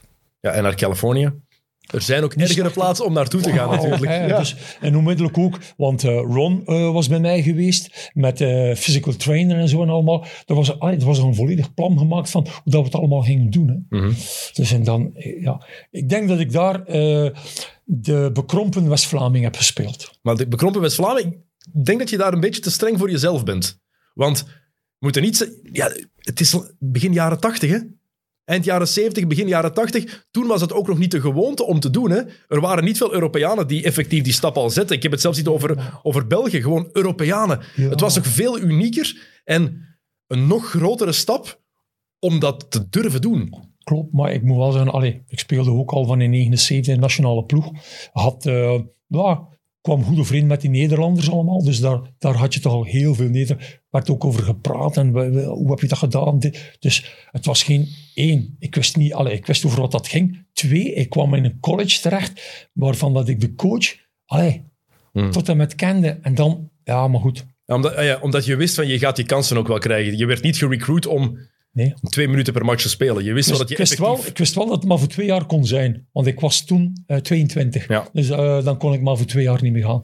Nu, de meesten gaan al, uh, als ze 19, gaan ze NBA in. Dus ik ging dus in college pas komen toen ik 22 was. Maakt op zich niet uit, hè? Nee, maakt zeker Zeker in die niet. tijd, dan kwam nee, je later... Absoluut niet. En over welk jaar En ik ging heel graag naar school, dus dat ging ook geen probleem zijn voor mij. Over welk jaar spreken we dan? 82. Dat je kon gaan? Ja, ik kon gaan, ja. Dan had je in de draftklas gezeten van Michael Jordan, Hakeem Olajuwon en Charles Barkley. Anders wow. de epische draftklas van 84. Zie eens wat dat ik gemist heb. Kijk, ja. een paar jaar later is... Want Rick Smits was een van de eerste die effectief ja. in, als Europeaan in uh, college in Amerika gespeeld heeft. En die is als tweede gedraft, uh, wat is het, in 88 of zo, denk en dan heb ik Charlotte Hornets nog eens gemist. Dus uh, Summer Camp nog eens gemist door een zware kniekwetsuur.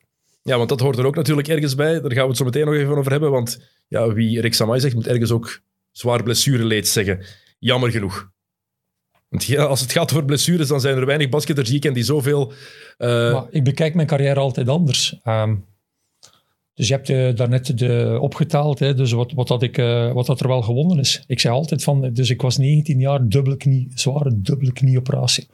Dat jaar spelen wij de bekerfinale. Ik was pas teruggekeerd van in februari. Je doet het zeker niet alleen, maar ik was nog niet top. Je verliest die finale met één punt. Blijf, dat blijft mij altijd achteraan man, had, had dus niet moeten gekwetst zijn. Dus jij bent ook een van die ex-topsporters die, als ze terugkijken, vooral aan de gemiste kansen ja. denkt sportief. Ik, ik, ik, ik ben, er, ben er echt van overtuigd. Uh, die 10 en die 12, dat dat, dat, dat meer kunnen zijn. Oké. Okay. In 85 ga ik naar Mechelen. Doe ik mijn transfer naar Mechelen. Eerste telefoontje dat ik moet geven naar Mechelen, zware enkelblessure. Ja, zware enkelkwetsuur. Uh, volledige voorbereiding, de misting gaat niet meegedaan. Ik denk dat ik in september erbij ben gekomen. Niet goed genoeg. Verliezende play-offs, eerste ronde eruit. Niet goed genoeg. Als ik daarop terugkijk, gemiste kans. Pats. In 95, faillissement bij uh, Mechelen. Maar we waren nog altijd aan het winnen. We waren ook bezig met de reeks. Wat was van zes, zeven, eh, van zes na elkaar. Dus blijf erbij, Dennis. Dat had mooier kunnen zijn. Dat had nog meer kunnen zijn. Nog meer kunnen zijn. Ja, dat is mooi, want ja, je haalt het net aan. Mechelen komt. Want je zegt dan, de bekrompen West-Vlaming heb je over jezelf gezegd. Dus aan de West-Vlaamse luisteraars, niet mijn woorden. Het komt uit de mond van de West-Vlaming zelf. Ja. Ehm, maar je bent wel uit jouw West-Vlaanderen vertrokken. Ja. En daar was toen veel om te doen. Want Rick Samay, Ja. Jokke, er zit de man van 10 miljoen in onze zetel. Zo, dat was de bijnaam die Rick toen gekregen heeft. Maar ehm, ik steek ehm, heel principieel in elkaar. Ik ga in, ik ga in februari ga ik met, eh, met Van Moerkerken gaan praten voor contractverlenging. En we hebben een, een goede babbel. Maar ik krijg twee dagen nadien of drie dagen nadien, want dat was dan nog de mode, een brief van eh, Rudolf. Dat hij met mij nieuw eh, ging onderhandelen voor het einde van het seizoen. Oké. Oké, ik zei dat kan niet. Dat, dat doen we niet. Dat was niet afgesproken. Oké, fijn. Ik ga je eens informeren wie dat er geïnteresseerd is in mij. Eh Marian Boer was op dat moment geïnteresseerd. Gent was geïnteresseerd. Natuurlijk, de prijs was natuurlijk veel te zwaar. En Mechelen was geïnteresseerd. Ja, want wie zat er toen bij Mechelen? Eerste jaar coach van Kers. Voilà. Ja. En die gaat naar Theo Maas. Ja. En die zegt tegen eh, meneer Theo... eh, meneer Theo, weet je wat? We, waren al bezig met versterkingen aan het uit te kijken. In plaats van naar verschillende spelers uit te kijken. We gaan al onze eieren leggen in één. We gaan Samai gaan halen. Goed. On top moet ik wel zeggen, en dat had ook niemand verwacht, weet je wie dat er dan in Mechelen er ook bij komt? Ronnie Bayer. Kwam van Merksem, tweede klasse. Echt, niet Jong gastje. Sorry, van Antwerpse, denk ik. Kwam die niet van Antwerpen? Dat- dat moet ik even- van Antwerpen van van. Merksem? Oké, goed. Maar jong kereltje, plakend van, oh, eh, want je zegt van mij dus eh, onmiddellijk de eerste ploeg. Ja, Ronnie ook, hè. Dus onmiddellijk in, in, in, in Mechelen. Dus wat is er daar gebeurd? Ik vond dat eh, niet correct dat eh, Van Moerkerken mij dus geen eh, voorstel deed. Ehm, Guido Blomme, die op dat moment eh, mij hielp wat betreft eh, transfer. Voilà. En dat was een... Ik denk dat ik eh, vijf minuten heb gepraat tegen meneer Theo over... eh, eh, wat moet jij kosten, vroeg hij aan mij. Ik denk dat hij in vijf minuten... Oh, oké, dat is goed. Ja, Theo Maas, de grote man toen van Maaspils. Ja. Was dat natuurlijk. En achter het... Want het was Racing Mechelen, was Maaspils Mechelen. Eh, back in the day. Ehm, en als ik denk aan wat coach van Kerschaver daar al over verteld heeft, de keer dat ik daar met hem over gesproken heb, ja, Mechelen kon toen niet winnen, want Oostende pakt alles. Tuurlijk. Mechelen was een ploeg die nog de successen van weleer, want ze hadden al successen gehad, ze vonden die niet terug. En dan kwam Theo Maas inderdaad naar Lucian van Kerschaver en zei, ja, wat moeten we doen om te winnen? We moeten Samai halen. Klopt. En dan 10 miljoen frank, Belgische frank toen. Nu is dat niks Nee, op dat. Maar toen was dat, zeker in het basketbal, Ja. was gigantisch veel toen. Hè? Maar ik denk dat Van Moerkerk daar een fout heeft gemaakt door een prijs uit te spreken. Ja. Had dat veel beter Maar die heeft dat gezegd, gedaan. echt. Ja. Ah, je had dat veel beter... Allee, Je werd echt zo aangekondigd als de man van 10 miljoen komt. Ja. Of- Ja, Ja. Dus- Van, van Moerkerk had had gezegd... geda- hij, had ook, hij had zeker gedacht van niemand gaat dat betalen voor Samai. Ja, die had gezegd op voorhand 10 miljoen en je mag hem hebben. ja. Maar dus dat bedrag was uitgesproken. Want dat is En toen zei... 25.000 euro? Nee, Eh, 250. 250.000 euro. Goed. Ehm, achteraf, ehm, na de transfer, zei Theo Maas tegen mij ook altijd van, goh, zeg, 10 miljoen, oké. Maar zijn op eh, de jaren dat jij, als wij dat gaan kunnen neerslaan, op de jaren dat jij hier gaat spelen, dan gaat dat best meevallen. En wat is er gebeurd? Het eerste jaar nog niet. Het eerste jaar, denk ik, winnen we de beker. Maar dan een titel niet. Maar ik moet zeggen, geen goed, geen, geen, geen goed seizoen gespeeld. Het jaar nadien, denk ik, eh, de dubbel. Toen zijn jullie Dan- vertrokken, hè? Eh, ik ben in 85 vertrokken in, in Oostende. En ik denk dat wij één wedstrijd hadden verloren. Dus wij speelden de finale, playoffs tegen Mechelen. Een droge 3-0. Met plus 25 per wedstrijd, denk ik, voor ons. In Oostende wel te verstaan. Hè? Mhm. En dan ben ik vertrokken. Jullie pakken de beker inderdaad in 85, 86, het jaar daarna titel en beker. Voilà, En dan een jaartje niks. niks. Dan En dan, heel veel probleem. En dan zijn we prof geworden en dan waren we vertrokken. en dan begint de reeks. Ja, Met dan begint 1, de reeks. 2, 3, Zes. 4, 5, 6 op een rij inderdaad. Even dan zijn failliet gegaan. Ja. En dan faillissement van, eh, van de ploeg. Hè. Jammer genoeg, inderdaad. Was, eh, blijft, nog altijd, blijft nog altijd spijtig. En wat mij wel opvalt, want wij hebben ook al veel Belgische matches samen becommentarieerd. We hebben genoeg in de Versluisdom in Oostende gezeten. De mensen daar nemen jou nu, oké, het is zoveel jaar later, duidelijk niks kwalijk. Ze zien jou als een van hen ergens toch, want je bent een icoon in Oostende. Hoe was dat toen? Was, ja, maar goed. Ik heb ook altijd gezegd, de dag dat ze niet meer... Ik ga er beginnen. Je bent 2 meter en 4. Je bent Ros en je speelt bij de tegenpartij. Ja? Oké. Ik denk dat dat heel gemakkelijk is om daar toch naartoe te roepen. En, uh, en, je, en je was de beste en- speler van de ik ploeg was, die je hebt ik hem verlaten. overgekomen, hè, dus daar en dat. Maar goed, hoe was dat? Heel hard. En eh, mijn vrouw had daar heel veel problemen mee. En ik heb haar altijd gezegd, zeg Meske, dag dat ze niet meer gaan roepen naar mij, hè, dan moet ik stoppen. En dan ben ik niet meer belangrijk, ben ik geen threat meer. Voor de andere kant eh, ga ik niet meer voorkomen in de briefing aan de andere kant. Dus niet goed. Wees blij dat ze altijd, altijd roepen.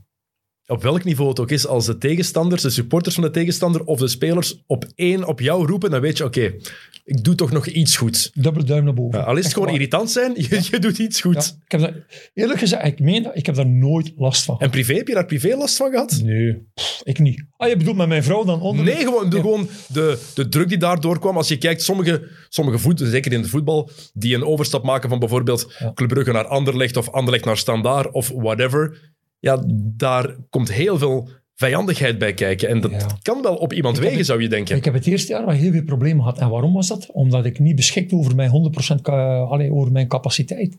En dan, eh, dan is het echt moeilijk. Hè. Eh, Dan ervaart je, je ziet de zaken gebeuren in de wedstrijd, maar je kunt niet voluit gaan. Hè. Eh, En het is niet alleen in de basket, ik denk dat het in elke sport is. Als je de volledige voorbereiding hebt gemist, Mhm. Ja, ja, zeker. Forget it. Je komt er niet in dat seizoen. Je hebt die fond niet, je hebt die basis niet en je raakt er niet. En wel, eerlijk gezegd, ik heb Hans dat jaar achter de feiten aangelopen. En je komt over. Hè, dus dat is al een moeilijke, moeilijke situatie. Ik heb nooit echt mijn draai gevonden. Ik heb er altijd, eh, in Mechelen altijd onmiddellijk van de eerste dag heb ik mij daar thuis gevoeld. Maar het eerste jaar heb ik echt zoveel problemen gehad, omdat die enkel eh, baarde mij zoveel zorgen dat ik niet kon brengen hetgeen dat ik wist dat ik kon brengen. Ja, want die blessures, ja, die, die bleven zich ergens wel opstapelen. En dat, voor mij maakt het dat nog straffer, maakt dat jouw erelijst eigenlijk nog indrukwekkender. Als je weet welke blessures jij gehad hebt, zware enkelblessures, zware knieblessures, zware heupblessures heb jij ook gehad? Heup niet. Nee, Nee, maar ik heb het dus wel. Laat, we ons herleiden tot heel, heel zware kniekwetsuren. Want daar denk ik is 95% van mijn eh, problemen geweest. Maar eh, die zijn, eh, ja, goed, ja. Die zijn er nu eenmaal geweest. En eh, ehm, je, je kunt je ook dan, als je terugkijkt op je carrière. Verdorie, ik had dus mijn, die blessures allemaal niet moeten hebben. Ehm, dan denk ik toch, allee, elke, blijf er ook altijd bij, elke blessure dat je hebt, neem toch ofwel een percentje of, of een half procentje of soms meer weg van je capaciteit. Nee, want heb je daar nu nog veel last van? Van de blessures die jij Niks in je carrière gehad hebt? Niks nee, meer. niks. Ik moet zeggen, ik heb wel al eh, eh, ik heb twee eh kunstknieprotheses zitten. Eh, langs de ene kant al eh, 18 jaar. En de andere een, ehm, een tiental jaar, denk ik. En sedert de dag dat ze dus die knieprotheses hebben ingestoken, is de dag dat ik geen pijn meer heb in mijn Oké. knie. Het enige nadeel is, ja, lopen zit er niet meer in bijvoorbeeld. Nee, lopen zit er niet meer in. Echt, hardlopen bedoel ik dan, hè? Nee, dat zit er niet meer in. Maar ik kan, eh, ik kan fietsen, wat ik graag doe. En ik kan zwemmen, wat ik niet graag doe. Zwemmen is zo vermoeiend. Oh, Dat is echt, dat is- als je dat niet gewoon bent, zwemmen, dat zijn spieren die je niet Ja. gewend bent om te gebruiken. Hè? Allee, eerlijk gezegd, ik denk dat ik na 50 meter eh, verdrink. Eh, zo simpel is het. eh. ik kan niet drijven, ik kan niet boven blijven. Dus eh, nee, ik heb er eh, geen aanleg voor. Oh, maar dat is echt zo, dat is zoiets... Ik vind het heel tof om te doen zelf, maar je bent zo snel kapot. Echt. Mensen, mensen die triathlons doen, Ja. on, onnoemelijk veel respect voor. ik begrijp het niet. allee, ik, ik moet niet ver kijken. Mijn twee zonen die zwemmen allebei zeer goed. Mhm. Als, eh, en die kijken dan naar mij zo van, vader, hoe is het mogelijk? maar het is zo. Ehm, het hele Mechelen-verhaal. Ehm, waarom was Racing Mechelen zo snel zo dominant? Want jij komt erbij, oké, de beker wordt gewonnen, het jaar erna de dubbel. En dan heb je die lange reeks. Ja, dat zijn zeven titels in negen jaar. En vooral, niemand leek aan jullie enkels te kunnen komen. Op voorhand was dat beslist, eigenlijk zoals met Oostende nu ergens van... Ze gaan heel goed moeten zijn en hun tenen serieus moeten uitkuisen om iets aan Mechelen te doen. Wel, Ik denk dat, uh, dat, dat wij in Mechelen, het, het ons sterkte was, um, als we in een reeks komen van drie of van vijf, bent er maar een keer tegen. Hè. Dat gaat verdorie moeilijk zijn. Hè.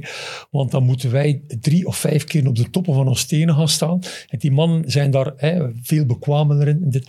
Waar wij, uh, wat was de sterkte? Ik denk dat um, uh, de coach, denk ik ook, wist ook uh, op welke posities telkens ondubbelen maken dat ze dus complementair waren per positie. En ja, je moet toch ook eerlijk zijn, wat een beste Amerikaan. Um, ik denk dat ik behoorde bij de, bij de betere vier spelers. Erik Strulens, dat wij volledig opgeleid hebben. Dus tot, ja...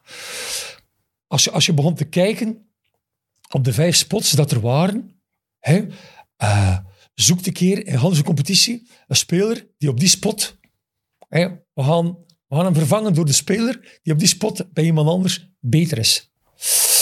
Was het dan echt zo'n goede scouting? Was dat Lucia van Kerschaver die dat bijna alleen deed? Was het samenwerking met Eddie Kasteel die zijn assistent was? Ja. Zat er echt een scoutingcel achter? Want ja, de capaciteiten die er, of de mogelijkheden die er nu in de, in de sportwereld zijn, waren er toen nog niet zo uitgebreid. Nee, ze waren zeker niet uitgebreid, maar um, het frame was er uh, heel snel. Hè. Dus, um... Want alle, als je kijkt naar de Belgen die jullie ook hadden, de beste jonge Belgen die kwamen bij Racing Mechelen terecht. Heel vaak. Ja, en, en, en ook, uh, er zijn ook jongens bij ons geweest uh, die het ook niet gemaakt hebben. Hè, waarvan dat wij ook dachten, elk jaar dat wij naar uh, Gent gingen gaan spelen, moesten wij spelen tegen Luc van Voren. We hebben daar altijd probleem mee gehad met Luc. Totdat wij zeiden van, verdorie, Luc die moet bij ons komen spelen. Die gaat ons heel veel brengen. Topspeler, qua training, qua verzorging, qua top. Maar Mechelen lag hem niet. Ja. Dat lukte niet. En ik denk dat Luc een jaar heeft bij ons gespeeld en dan uh, terug is moeten vertrekken. Uh, er zijn zeker nog jongens geweest, dat ik, maar dat ik me niet meer onmiddellijk kan voor de geest halen. Uh, Mark Duggenef heeft het ook heel moeilijk gehad. In Mechelen kwam natuurlijk op een spot na Bill Varner gaan spelen. Ja, je zegt, je zegt de, nu de naam, je noemt de naam huh? van mijn lievelingsspeler ooit op de Belgische velden. Natuurlijk is jeugdsentiment, want die speelde bij Mechelen toen ik 8, 7, 8, 9, 10 jaar was. Dan, dat doet altijd iets meer. Dat is mijn gevoel toch vaak. Maar Bill Varner was maar, de opper-Amerikaan toch in ons land. Een presence. Dat was een verschijning. Dus uh, op het terrein ook zijn manier van spelen. Uh, glijden. Um, als zij dus een alley-oop kregen, wij, ja, van hem was dat nog smooth binnenleggen. Hele mooie speler, ja. Heel mooie speler. Maar niet alleen dat speels, maar altijd aan het trainen. Er waren heel veel bij, bij onze jongens die daar uh, zich lieten uh, in betrappen. Speels. Ah, ik ga ook een beetje spelen. Meedoen in dat, in dat speelse. Maar vergeten van te trainen. Vader deed dat niet. Dus hij was speels en ondertussen ja, krijg je wel die mogen vol. Dus een bak vol en dit en dat. Nee, je moest daar echt continu bij zijn. En wetende, Vader die kwam voor een maand. Hè. Als zij begon bij ons, die kwam voor een maand. Als try-out, als, ja, als interim-speler als, eigenlijk als interim, omdat wij... Uh, Schaefer, die was gekwetst aan zijn hand. En die, moest, die was een maand oud. En ze hadden uh, Vauner gekut in Gravelin. En wij met Mechelen hadden het toernooi wist gaan spelen van Gravelin. En we hadden die mannen een pak rammel gegeven. Ja? Maar wij hadden daar gespeeld tegen Bill Vauner. Die was ons ook bijgebleven. Mm -hmm. Natuurlijk, oké, ja, je moet, je moet de markt op en je moet gaan zoeken. En uh, Bill Varner uh, wordt gevraagd, door, uh, via manager wordt, wordt hij gevraagd. En er wordt dan Bill gezegd van, Bill, zijn geïnteresseerd om de maand naar Me Mechelen te gaan spelen? Ja, voor die man, Mechelen, Mechelen. Wel, Mechelen is die ploeg, hebt er tegen gespeeld in het voorseizoen, hebt er 30 punten van gekregen. Ah, is dat die ploeg? Oh, dan wil ik wel een maand, dan wil ik wel een maand gaan spelen. Effectief gebeurd. Zijn vrouw was ook zwanger. Dus dat was ook voor hem uh, een moeilijke situatie. Maar hij komt toch. We gaan de eerste match gaan spelen. En Beringen heeft maar één seizoen in eerste klasse gespeeld. Maar wij moesten op verplaatsing naar Bering. Die had twee keer getraind met ons. Die maakt daar 35 punten. Hm. Zaterdagavond. Twee trainingen verder denk de dinsdag of de woensdag voor de beker gaan spelen. Maakt 54 punten. dus dat waren de eerste twee wedstrijden. En dan zeiden we tegen hem, ja maar Bill, hij gaat hier niet meer weg, jong. hij gaat hier blijven. Uh, belt maar naar uw vrouw. Komt er maar een ticket voor. Die moet komen. En voilà. En die heeft zeven jaar bij ons gespeeld. Prachtige speler. Ik kan mij niet herinneren, ik kan mij niet herinneren dat Bill niet op de afspraak was. Dat was een speler, ehm, als ik hem moet plaatsen, ja, uh, ja ik, nog een keer. als je moet kiezen, je kent dat wel, je moet kiezen uh, een three-player. Ja, oké, Bill Warner, tak, die ga ik pakken. Altijd, altijd, altijd. Ja, als ik nu een all-time lijst moet maken van spelers in de Belgische competitie. De eerste naam die ik altijd zou opschrijven, Bill Varner. Altijd. Jeugdsentiment, ik weet het, maar ik denk dat, dat er heel veel mensen zijn die hem hebben zien spelen, die zullen kunnen zeggen, ja... handen. Dat snap ik. Er zijn genoeg goede spelers geweest in onze competitie natuurlijk. Hè. Tuurlijk, die gast had toch, iets, had toch iets heel speciaals. Er staat hier ook op zijn Wikipedia dat zijn beste seizoen bij uh, Racing Mechelen was. By far. Ook zo'n echte go-to guy. Amai. Iets wat je nu vaak minder hebt in het Europese basketbal mhm. eigenlijk. Dat was daar wel duidelijk. Scoren, eerste optie, Bill Varner. Ja, als je 54 En dan een backup plan. en dan een backup plan. Hè. Ja. Maar um, ja, goed. Ik moet ook zeggen, wij hadden Bill Varner man to go to.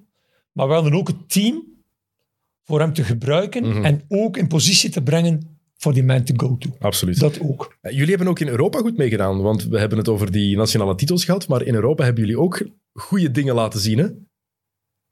Mooi. Dat was ook wat Theo Maas heel graag wilde. Hij wilde Europese presence van zijn ploeg. Maar jullie hebben ook dingen getoond, inderdaad.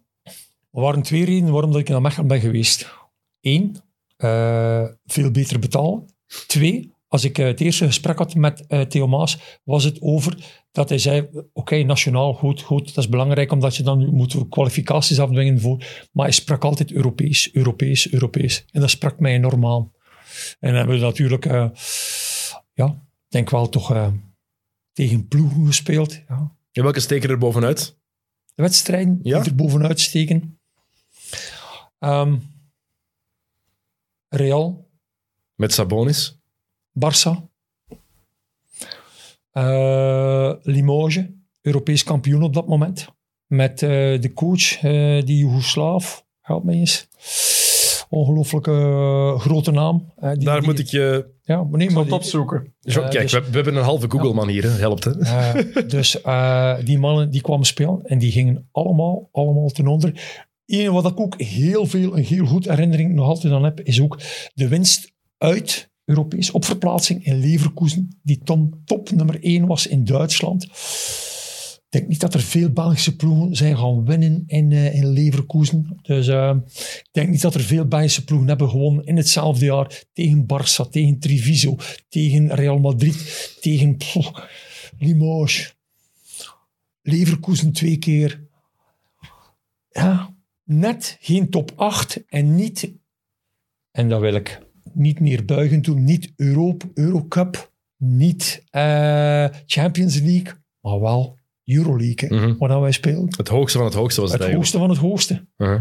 Bozidar Malkiovic. Malkiovic, dankjewel. Ja. Alsjeblieft. Kijk, soms is hij handig, hè?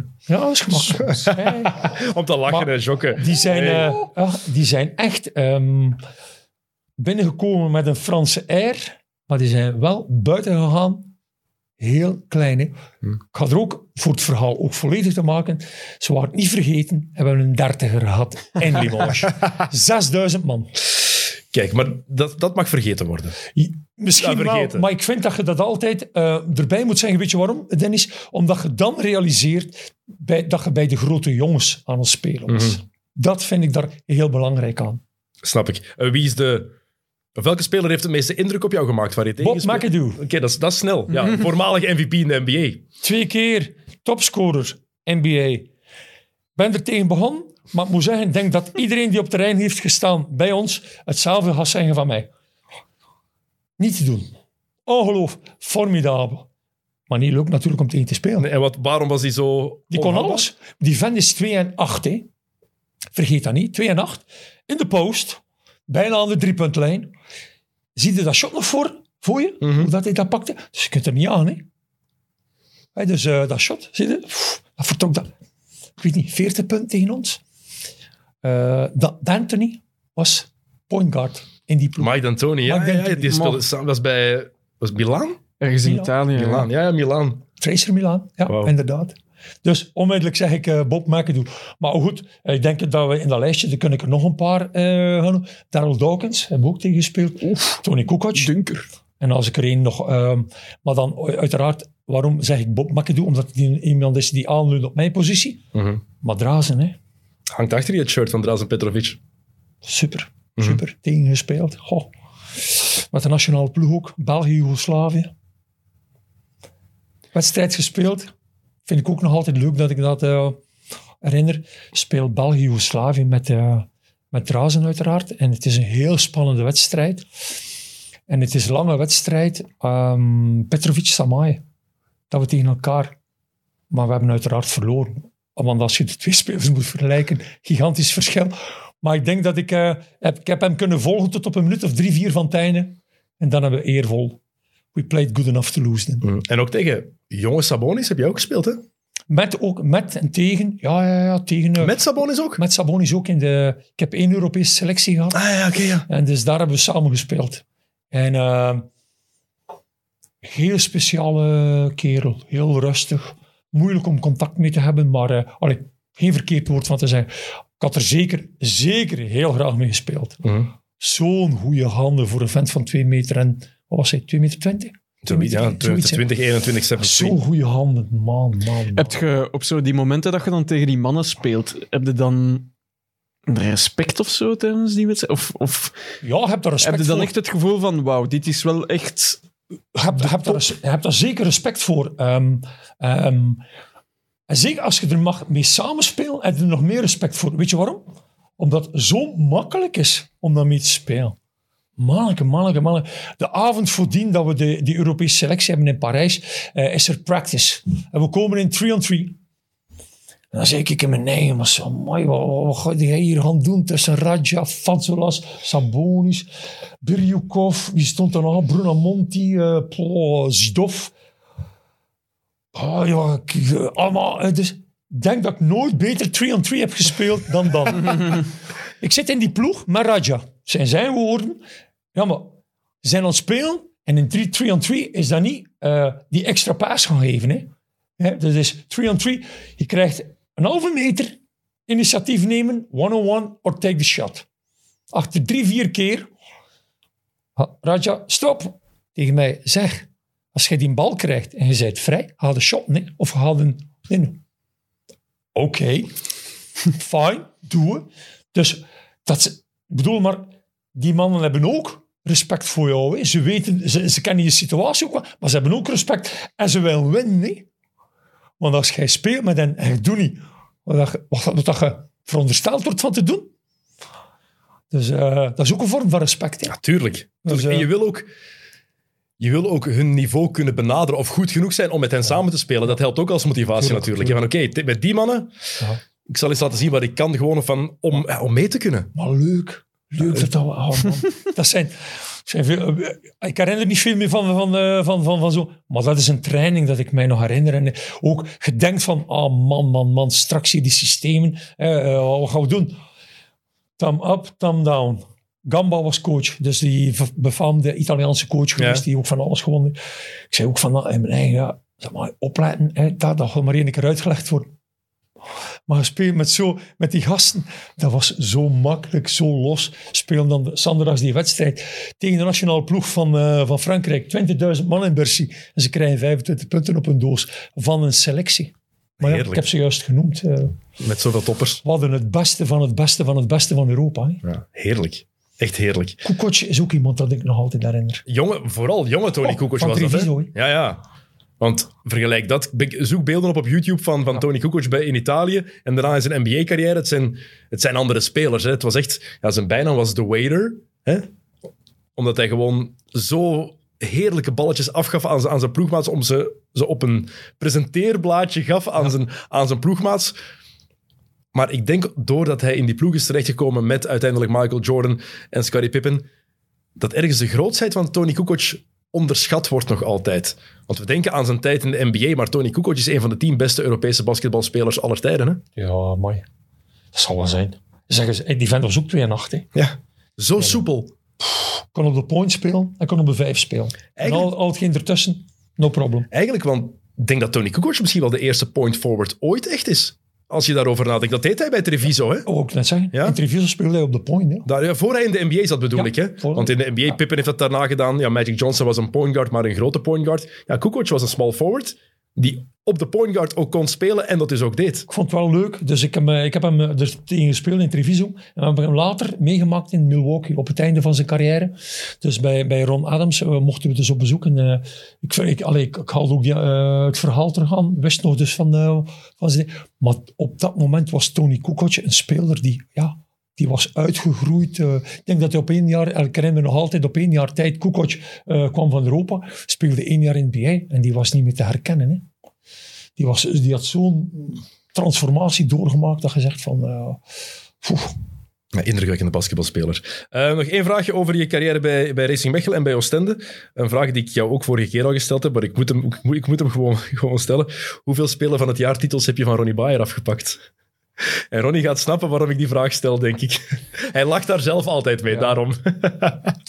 Dus eh, ik heb er in totaal tien. En ik heb altijd eh, eh, gehoord, eh, eh, van het jaar van die tien, dus het eerste jaar, ja, maar die had het moeten zijn. Of het tweede jaar, een die had het moeten zijn. Ik vind dat ook maar terecht, dat er ehm, eh, elke speler claimt van, ja, maar waarom ben ik geen speler van het jaar? Ja. Dus, en Ronnie speelde ook altijd in een van de beste teams in de nationale ploeg. Een voorrangsrol. Eh, ook niet eh, voor niets dat Jack Ramsey, als hij het jaar of die twee of die twee of drie jaar dat hij met de nationale ploeg heeft gewerkt, hij had het altijd over twee spelers. Hij had het over Ronnie en over mij. Is dat dan niet logisch dat Ronnie ook claimt van, ja, Rick heeft er tien, ik heb er maar één. Tuurlijk. Ha, en in alle eerlijkheid, had Ronnie er twee of drie moeten hebben en ik één of twee minder, denk jij dat ik daar, ik, ik ging daar zeker geen probleem Jouw over kennende had je er geen probleem van gemaakt. Zeker niet, absoluut niet, echt niet. Heb je er eigenlijk trofeeën echt voor gekregen? De trofeeën, Ja? Heb je, heb je er tien thuis staan? ik heb er tien thuis staan. Oké. Maar als ze moeten zoeken, Ja, eh. Ik kan Heb die ook al op de zolder? ja, als ze niet vinden. Wat eh, is dat toch? Maar en dat is zo nee, nee, frappant, vind ik. Ik dat heb er- iedereen dat ik heb er, ehm, weggooit. Ik heb er één, eh, één heb ik er wel cadeau ge- gedaan aan, eh, aan mijn eh, grootste fan.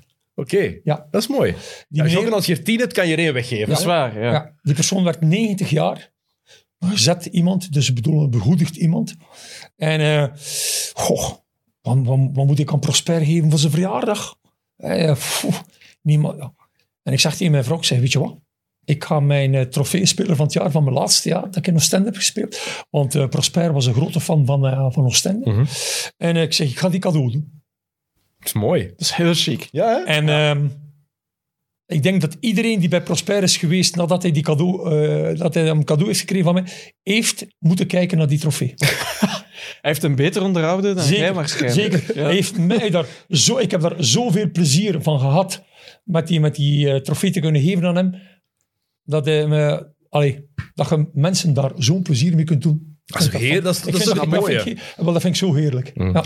Eh, vind jij het, het jammer? Ik weet dat jij, je bent de laatste mens die aan eigen lof doet. Ehm, stoort jou het niet dat er zo weinig erkenning is voor mensen die een mooie basketbalcarrière hebben uitgebouwd in dit land? En ik heb het over jou, maar ik heb het ook over, over, over Ronnie. Ik heb het over Lucia van Kerschaver, zelfs over Willy Steveniers, Thomas van de Spiegel, Sam van Rossum nu. Het blijft allemaal zo hard onder de radar dat jullie nooit die erkenning hebben gekregen die misschien, ik zeg misschien, dus dat is geen statement of zo, die misschien mindere sporters wel kregen. Of, of krijgen. Of gekregen hebben. Ik heb daar eerlijk gezegd niet zoveel geen moeite mee. Ehm, ik hou me daar eerlijk gezegd ook niet echt mee bezig. Ehm, ik heb eigenlijk in basketbal altijd de zaken gedaan wat ik graag doe. Spelen, ongelooflijk graag. Ik vind het heel spijtig. Dus dat, dat er een moment komt dat je moet stoppen. Maar goed, dat is zo. Ehm, geprobeerd en dus eh, nagekeken, zijn er zaken in basketbal, dus eh, ofwel coaching, ofwel eh verantwoordelijk manager of, of, of zo, sportief. Maar dat zijn allemaal zaken, ik kan daar mijn ding niet doen. It's my way or the highway. En dat, dat is, zo doe je dat niet. Hè. Zo coach je niet. En zo eh, run je ook geen, geen ploeg. Hè. Dus, eh, en dan ben ik... En daar ben ik Erik Hoens nog altijd heel dankbaar voor. Hè, want uh, Erik die, die zei van, oh dat is zo mooi, hoe kun je dat wij? Kom, maar laat ik het te horen doen. en zo is het gebeurd. Hè. Dus uh, kom jong, uh, begonnen met, met de Europese wedstrijden en dan NBA. Vince Carter, eerste wedstrijd of dat, ik gedaan heb. En zie je zie wat dat kan, zie wat dat je dat kunt. En, we waren vertrokken. En vanaf dat ik beginnen ben met, met, met analist, zei ik van, ik doe niks anders in basketbal. En waarom ook niet? Ik wil vrij zijn. En als er iemand slecht speelt, van die of die of die ploeg, zeg je dat gewoon. Hè. Dat je het eerlijk moet kunnen zeggen, inderdaad. Voilà. Of er iemand zijn job niet gedaan heeft, en wel, ja goed, Oké, dan moeten we dat zeggen. Hè? Zonder dat Vindt dat dan onze ploeg is? Absoluut. Onze, onze job is? Hè? Absoluut. Zonder dat er gevolgen aan vasthangen. Want dat is nooit persoonlijk. Dat is gewoon, ja, wat zie je? Dat zien we. Voilà. voilà. Dat zien we. Kijk, mensen die vandaag luisteren of zien, gaan ook zeggen, ja, Dennis heeft zich tien keer vers versproken. Dat is terecht. Voilà. Ze hebben gelijk. Ah, ze hebben groot gelijk. Zoals dat het altijd doet. Hè? Het mag gezegd worden. Ik kan daar ook tegen. Dat, voilà. dat hoort erbij. Dat hoort erbij. En dat wij niet altijd gelijk hebben, oh. dat hoort er ook bij. ja, goed, voilà. Maar dit is, is onze probleem. opinie, onze mening. En hmm. voilà. Het is enkel een probleem als je effectief denkt dat je altijd gelijk hebt. Er is een verschil tussen je punt verdedigen en denken dat je altijd gelijk hebt. Vind ik toch. Dat zal wel zijn. Ik verdedig mijn mening met passie altijd. Jij ook. Maar wij, wij, wij weten allebei van elkaar. We denken niet dat we de waarheid in pacht hebben. Totaal niet zelfs. Maar we gaan ook niet snel afwijken. Nee, dat is waar. Of naar, elkaar, naar elkaar toe gaan, doen we ook niet. Het lijkt misschien soms dat we dat denken. Ja, dat, maar, wel, dat we zo overtuigd zijn van ons punt. Maar achteraf kunnen we dat wel weer. Hè, dus, uh... Uh, sowieso. Sowieso. Um, kijk jij eigenlijk met plezier terug op jouw carrière als international ook? Want dat zou mij in jouw plaats wel frustreren als je kijkt hoe... Nu mogen 24 ploegen meedoen aan het EK. Veel Europese kampioenschappen heb jij jammer genoeg niet kunnen spelen. Toen waren er nog maar 16 ploegen die meededen. 12 ploegen zelfs inderdaad die eerste, eerste kampioenschap dat ik gespeeld heb in 79. En in, ja, en, en in 93 waren het er, waren het er uh, 16 dan. 16. Maar ook dat is niet heel veel. En het maakt het niet minder knap wat de Lions nu doen. Laat dat duidelijk zijn. Hè? Dat ze zich elke keer kwalificeren is super indrukwekkend. Zal wel zijn. Maar het is wel gemakkelijker dan wanneer er maar 12 ploegen waren. Dat is logisch. Klopt. En ik moet ook zeggen, in, toen wij dus met die 16 uh, was net de opsplitsing nog maar gebeurd. Uh, met het, ik bedoel, voor, voornamelijk van Joegoslavië. Dus dat ze nog uh, die, die landen. Want als je ziet, ja, Slovenië ondertussen al Europees kampioen en zo. En allemaal. Ja. Kroatië, Servië. Dus dat zijn allemaal ploeg, ploegen om, om te spelen. Op dat moment was dat nog. Allee, moesten ze ook nog beelden aan aan, aan hun uh, apartheid van, van Joegoslavië of van de USSR. Mm Oké. Ik heb nog een paar uh, korte vraagjes, korte ja-nee-vragen. Ongeveer ja-nee-vragen. Um, en dan gaan, we, dan gaan we stiltjes aan afronden. Um, om in te pikken op je carrière als international. Um, je hebt internationale coaches gehad, onder andere. Je hebt al Ron Adams genoemd. Mm -hmm. Jack Ramsey, ex-coach van de Portland Trailblazers. kampioen geworden daar met Bill Walton. Wie heeft de meeste indruk op jou gemaakt? Ramsey of Adams? Je moet het niet uitleggen, je mag gewoon zeggen wie het is. Je mag het ook uitleggen, natuurlijk. Ik heb ze natuurlijk meegemaakt in, in, in, in totaal verschillende perioden van mijn carrière. Um, maar ik denk wel dat Adams meer indruk heeft gemaakt op mij, omdat hij mij um, heel snel als, um, ja, als. Ik heb hem gehad als 18-jarige, denk ik. Als 18-jarige gebruikte hij mij dus um, vervanging. Dus omdat hij iets wou zeggen tegen een speler. 20 seconden nadien werd ik terug naar de draf gehaald. 20 drop, 20 draf. En ik vond dat, ik wil gewoon maar een klein voorbeeldje geven van hoe dat hij mij een leerproces heeft aangedaan.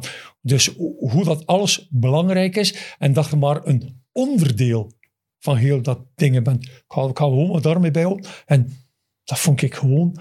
Um,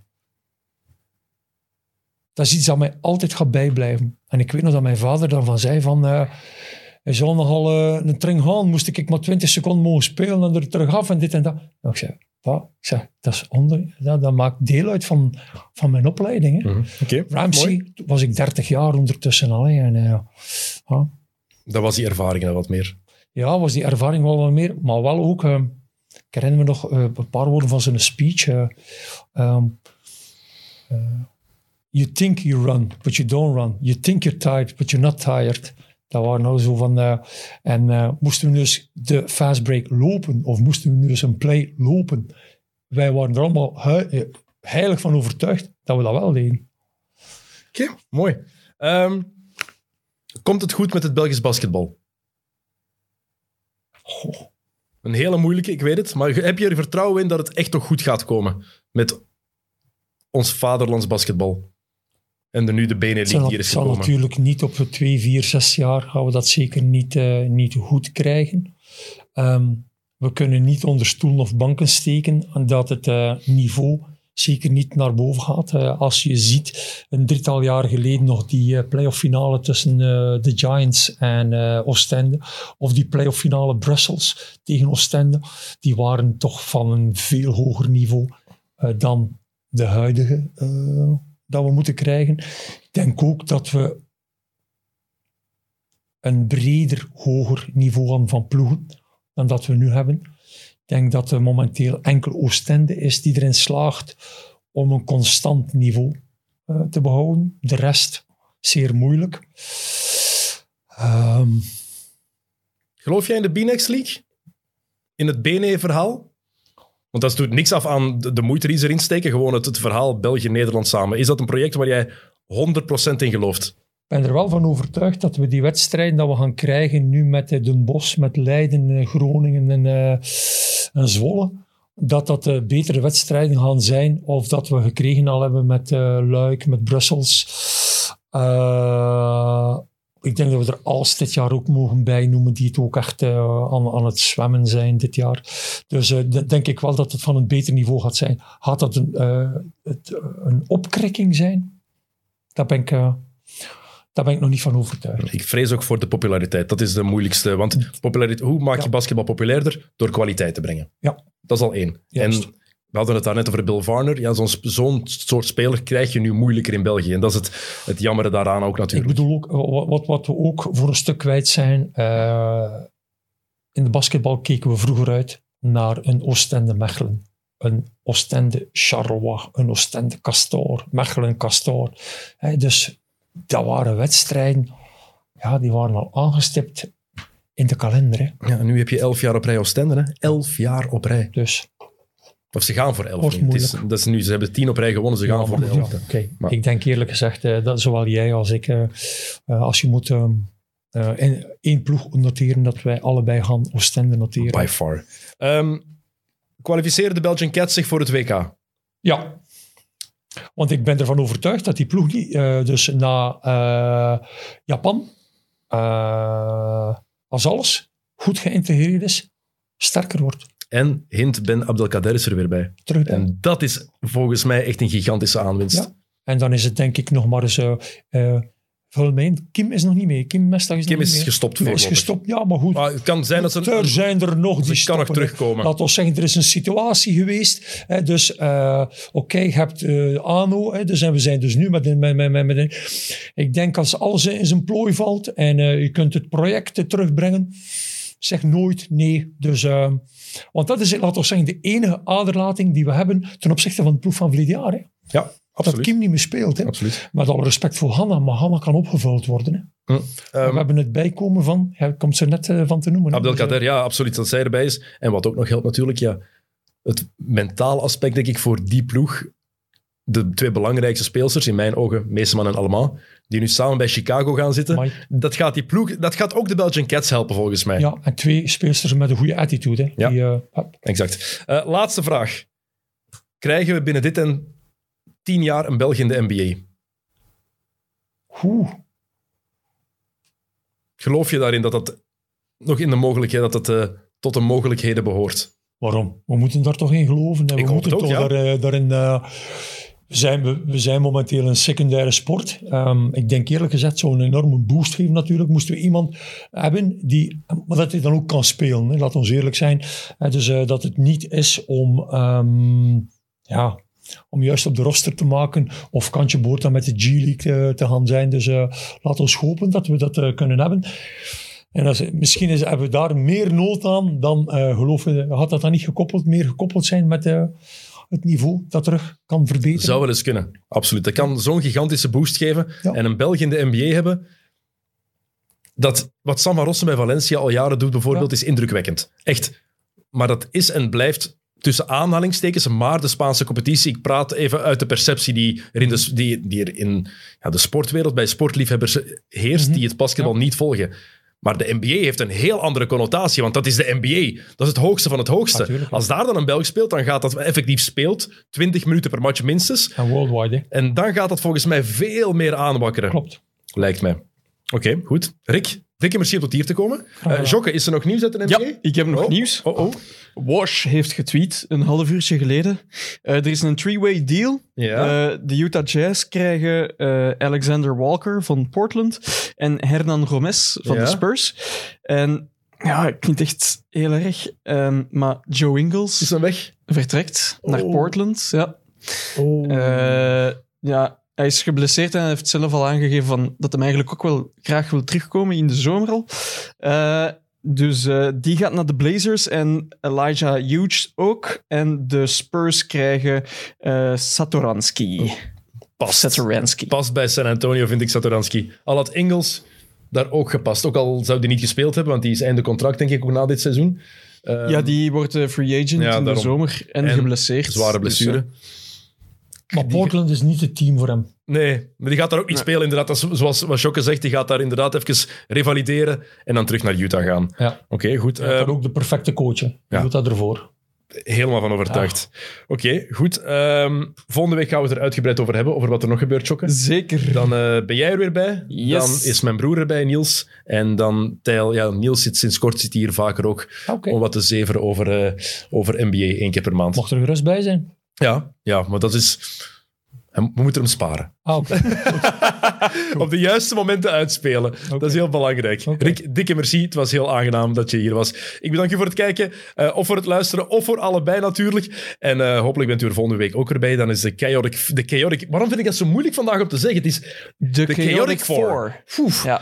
Vreselijk. Kijk, zelfs de uitspraak is chaotisch. Maar dus, dan zitten wij hier terug samen om te praten over eh, basketbal en de NBA. Er was ook weer een mid-mid. Die, ehm, is, ehm, die komt donderdag op antenne. Dus, eh, Die gaan ze al kunnen kijken. Die kunnen ze al bekijken. Met Eh, Tom Saint-Fiet. Bondscoach van Gambia, Gambia. was dat inderdaad. Ja. ehm, in het voetbal. Interessant. Kick and Rush was er nog altijd niet. Nee. Maar u kan wel nog altijd luisteren naar onze NFL-special. Want zondagnacht van 13 op 14 eh, februari is het de Super Bowl. Eh, die begint om middernacht. Dus ik zou zeggen, zet om 10 uur s'avonds onze podcast op. Twee uurtjes daarvoor. Luister even naar wat wij te zeggen hebben over Tom Brady. En dan de, de preview van de Super Bowl. En dan bent u helemaal mee voor de grootste match van het jaar begint. En go Joe Burrow, go Bengals. Ja, zeker. Absoluut. Goed. Tot de volgende keer. Salut.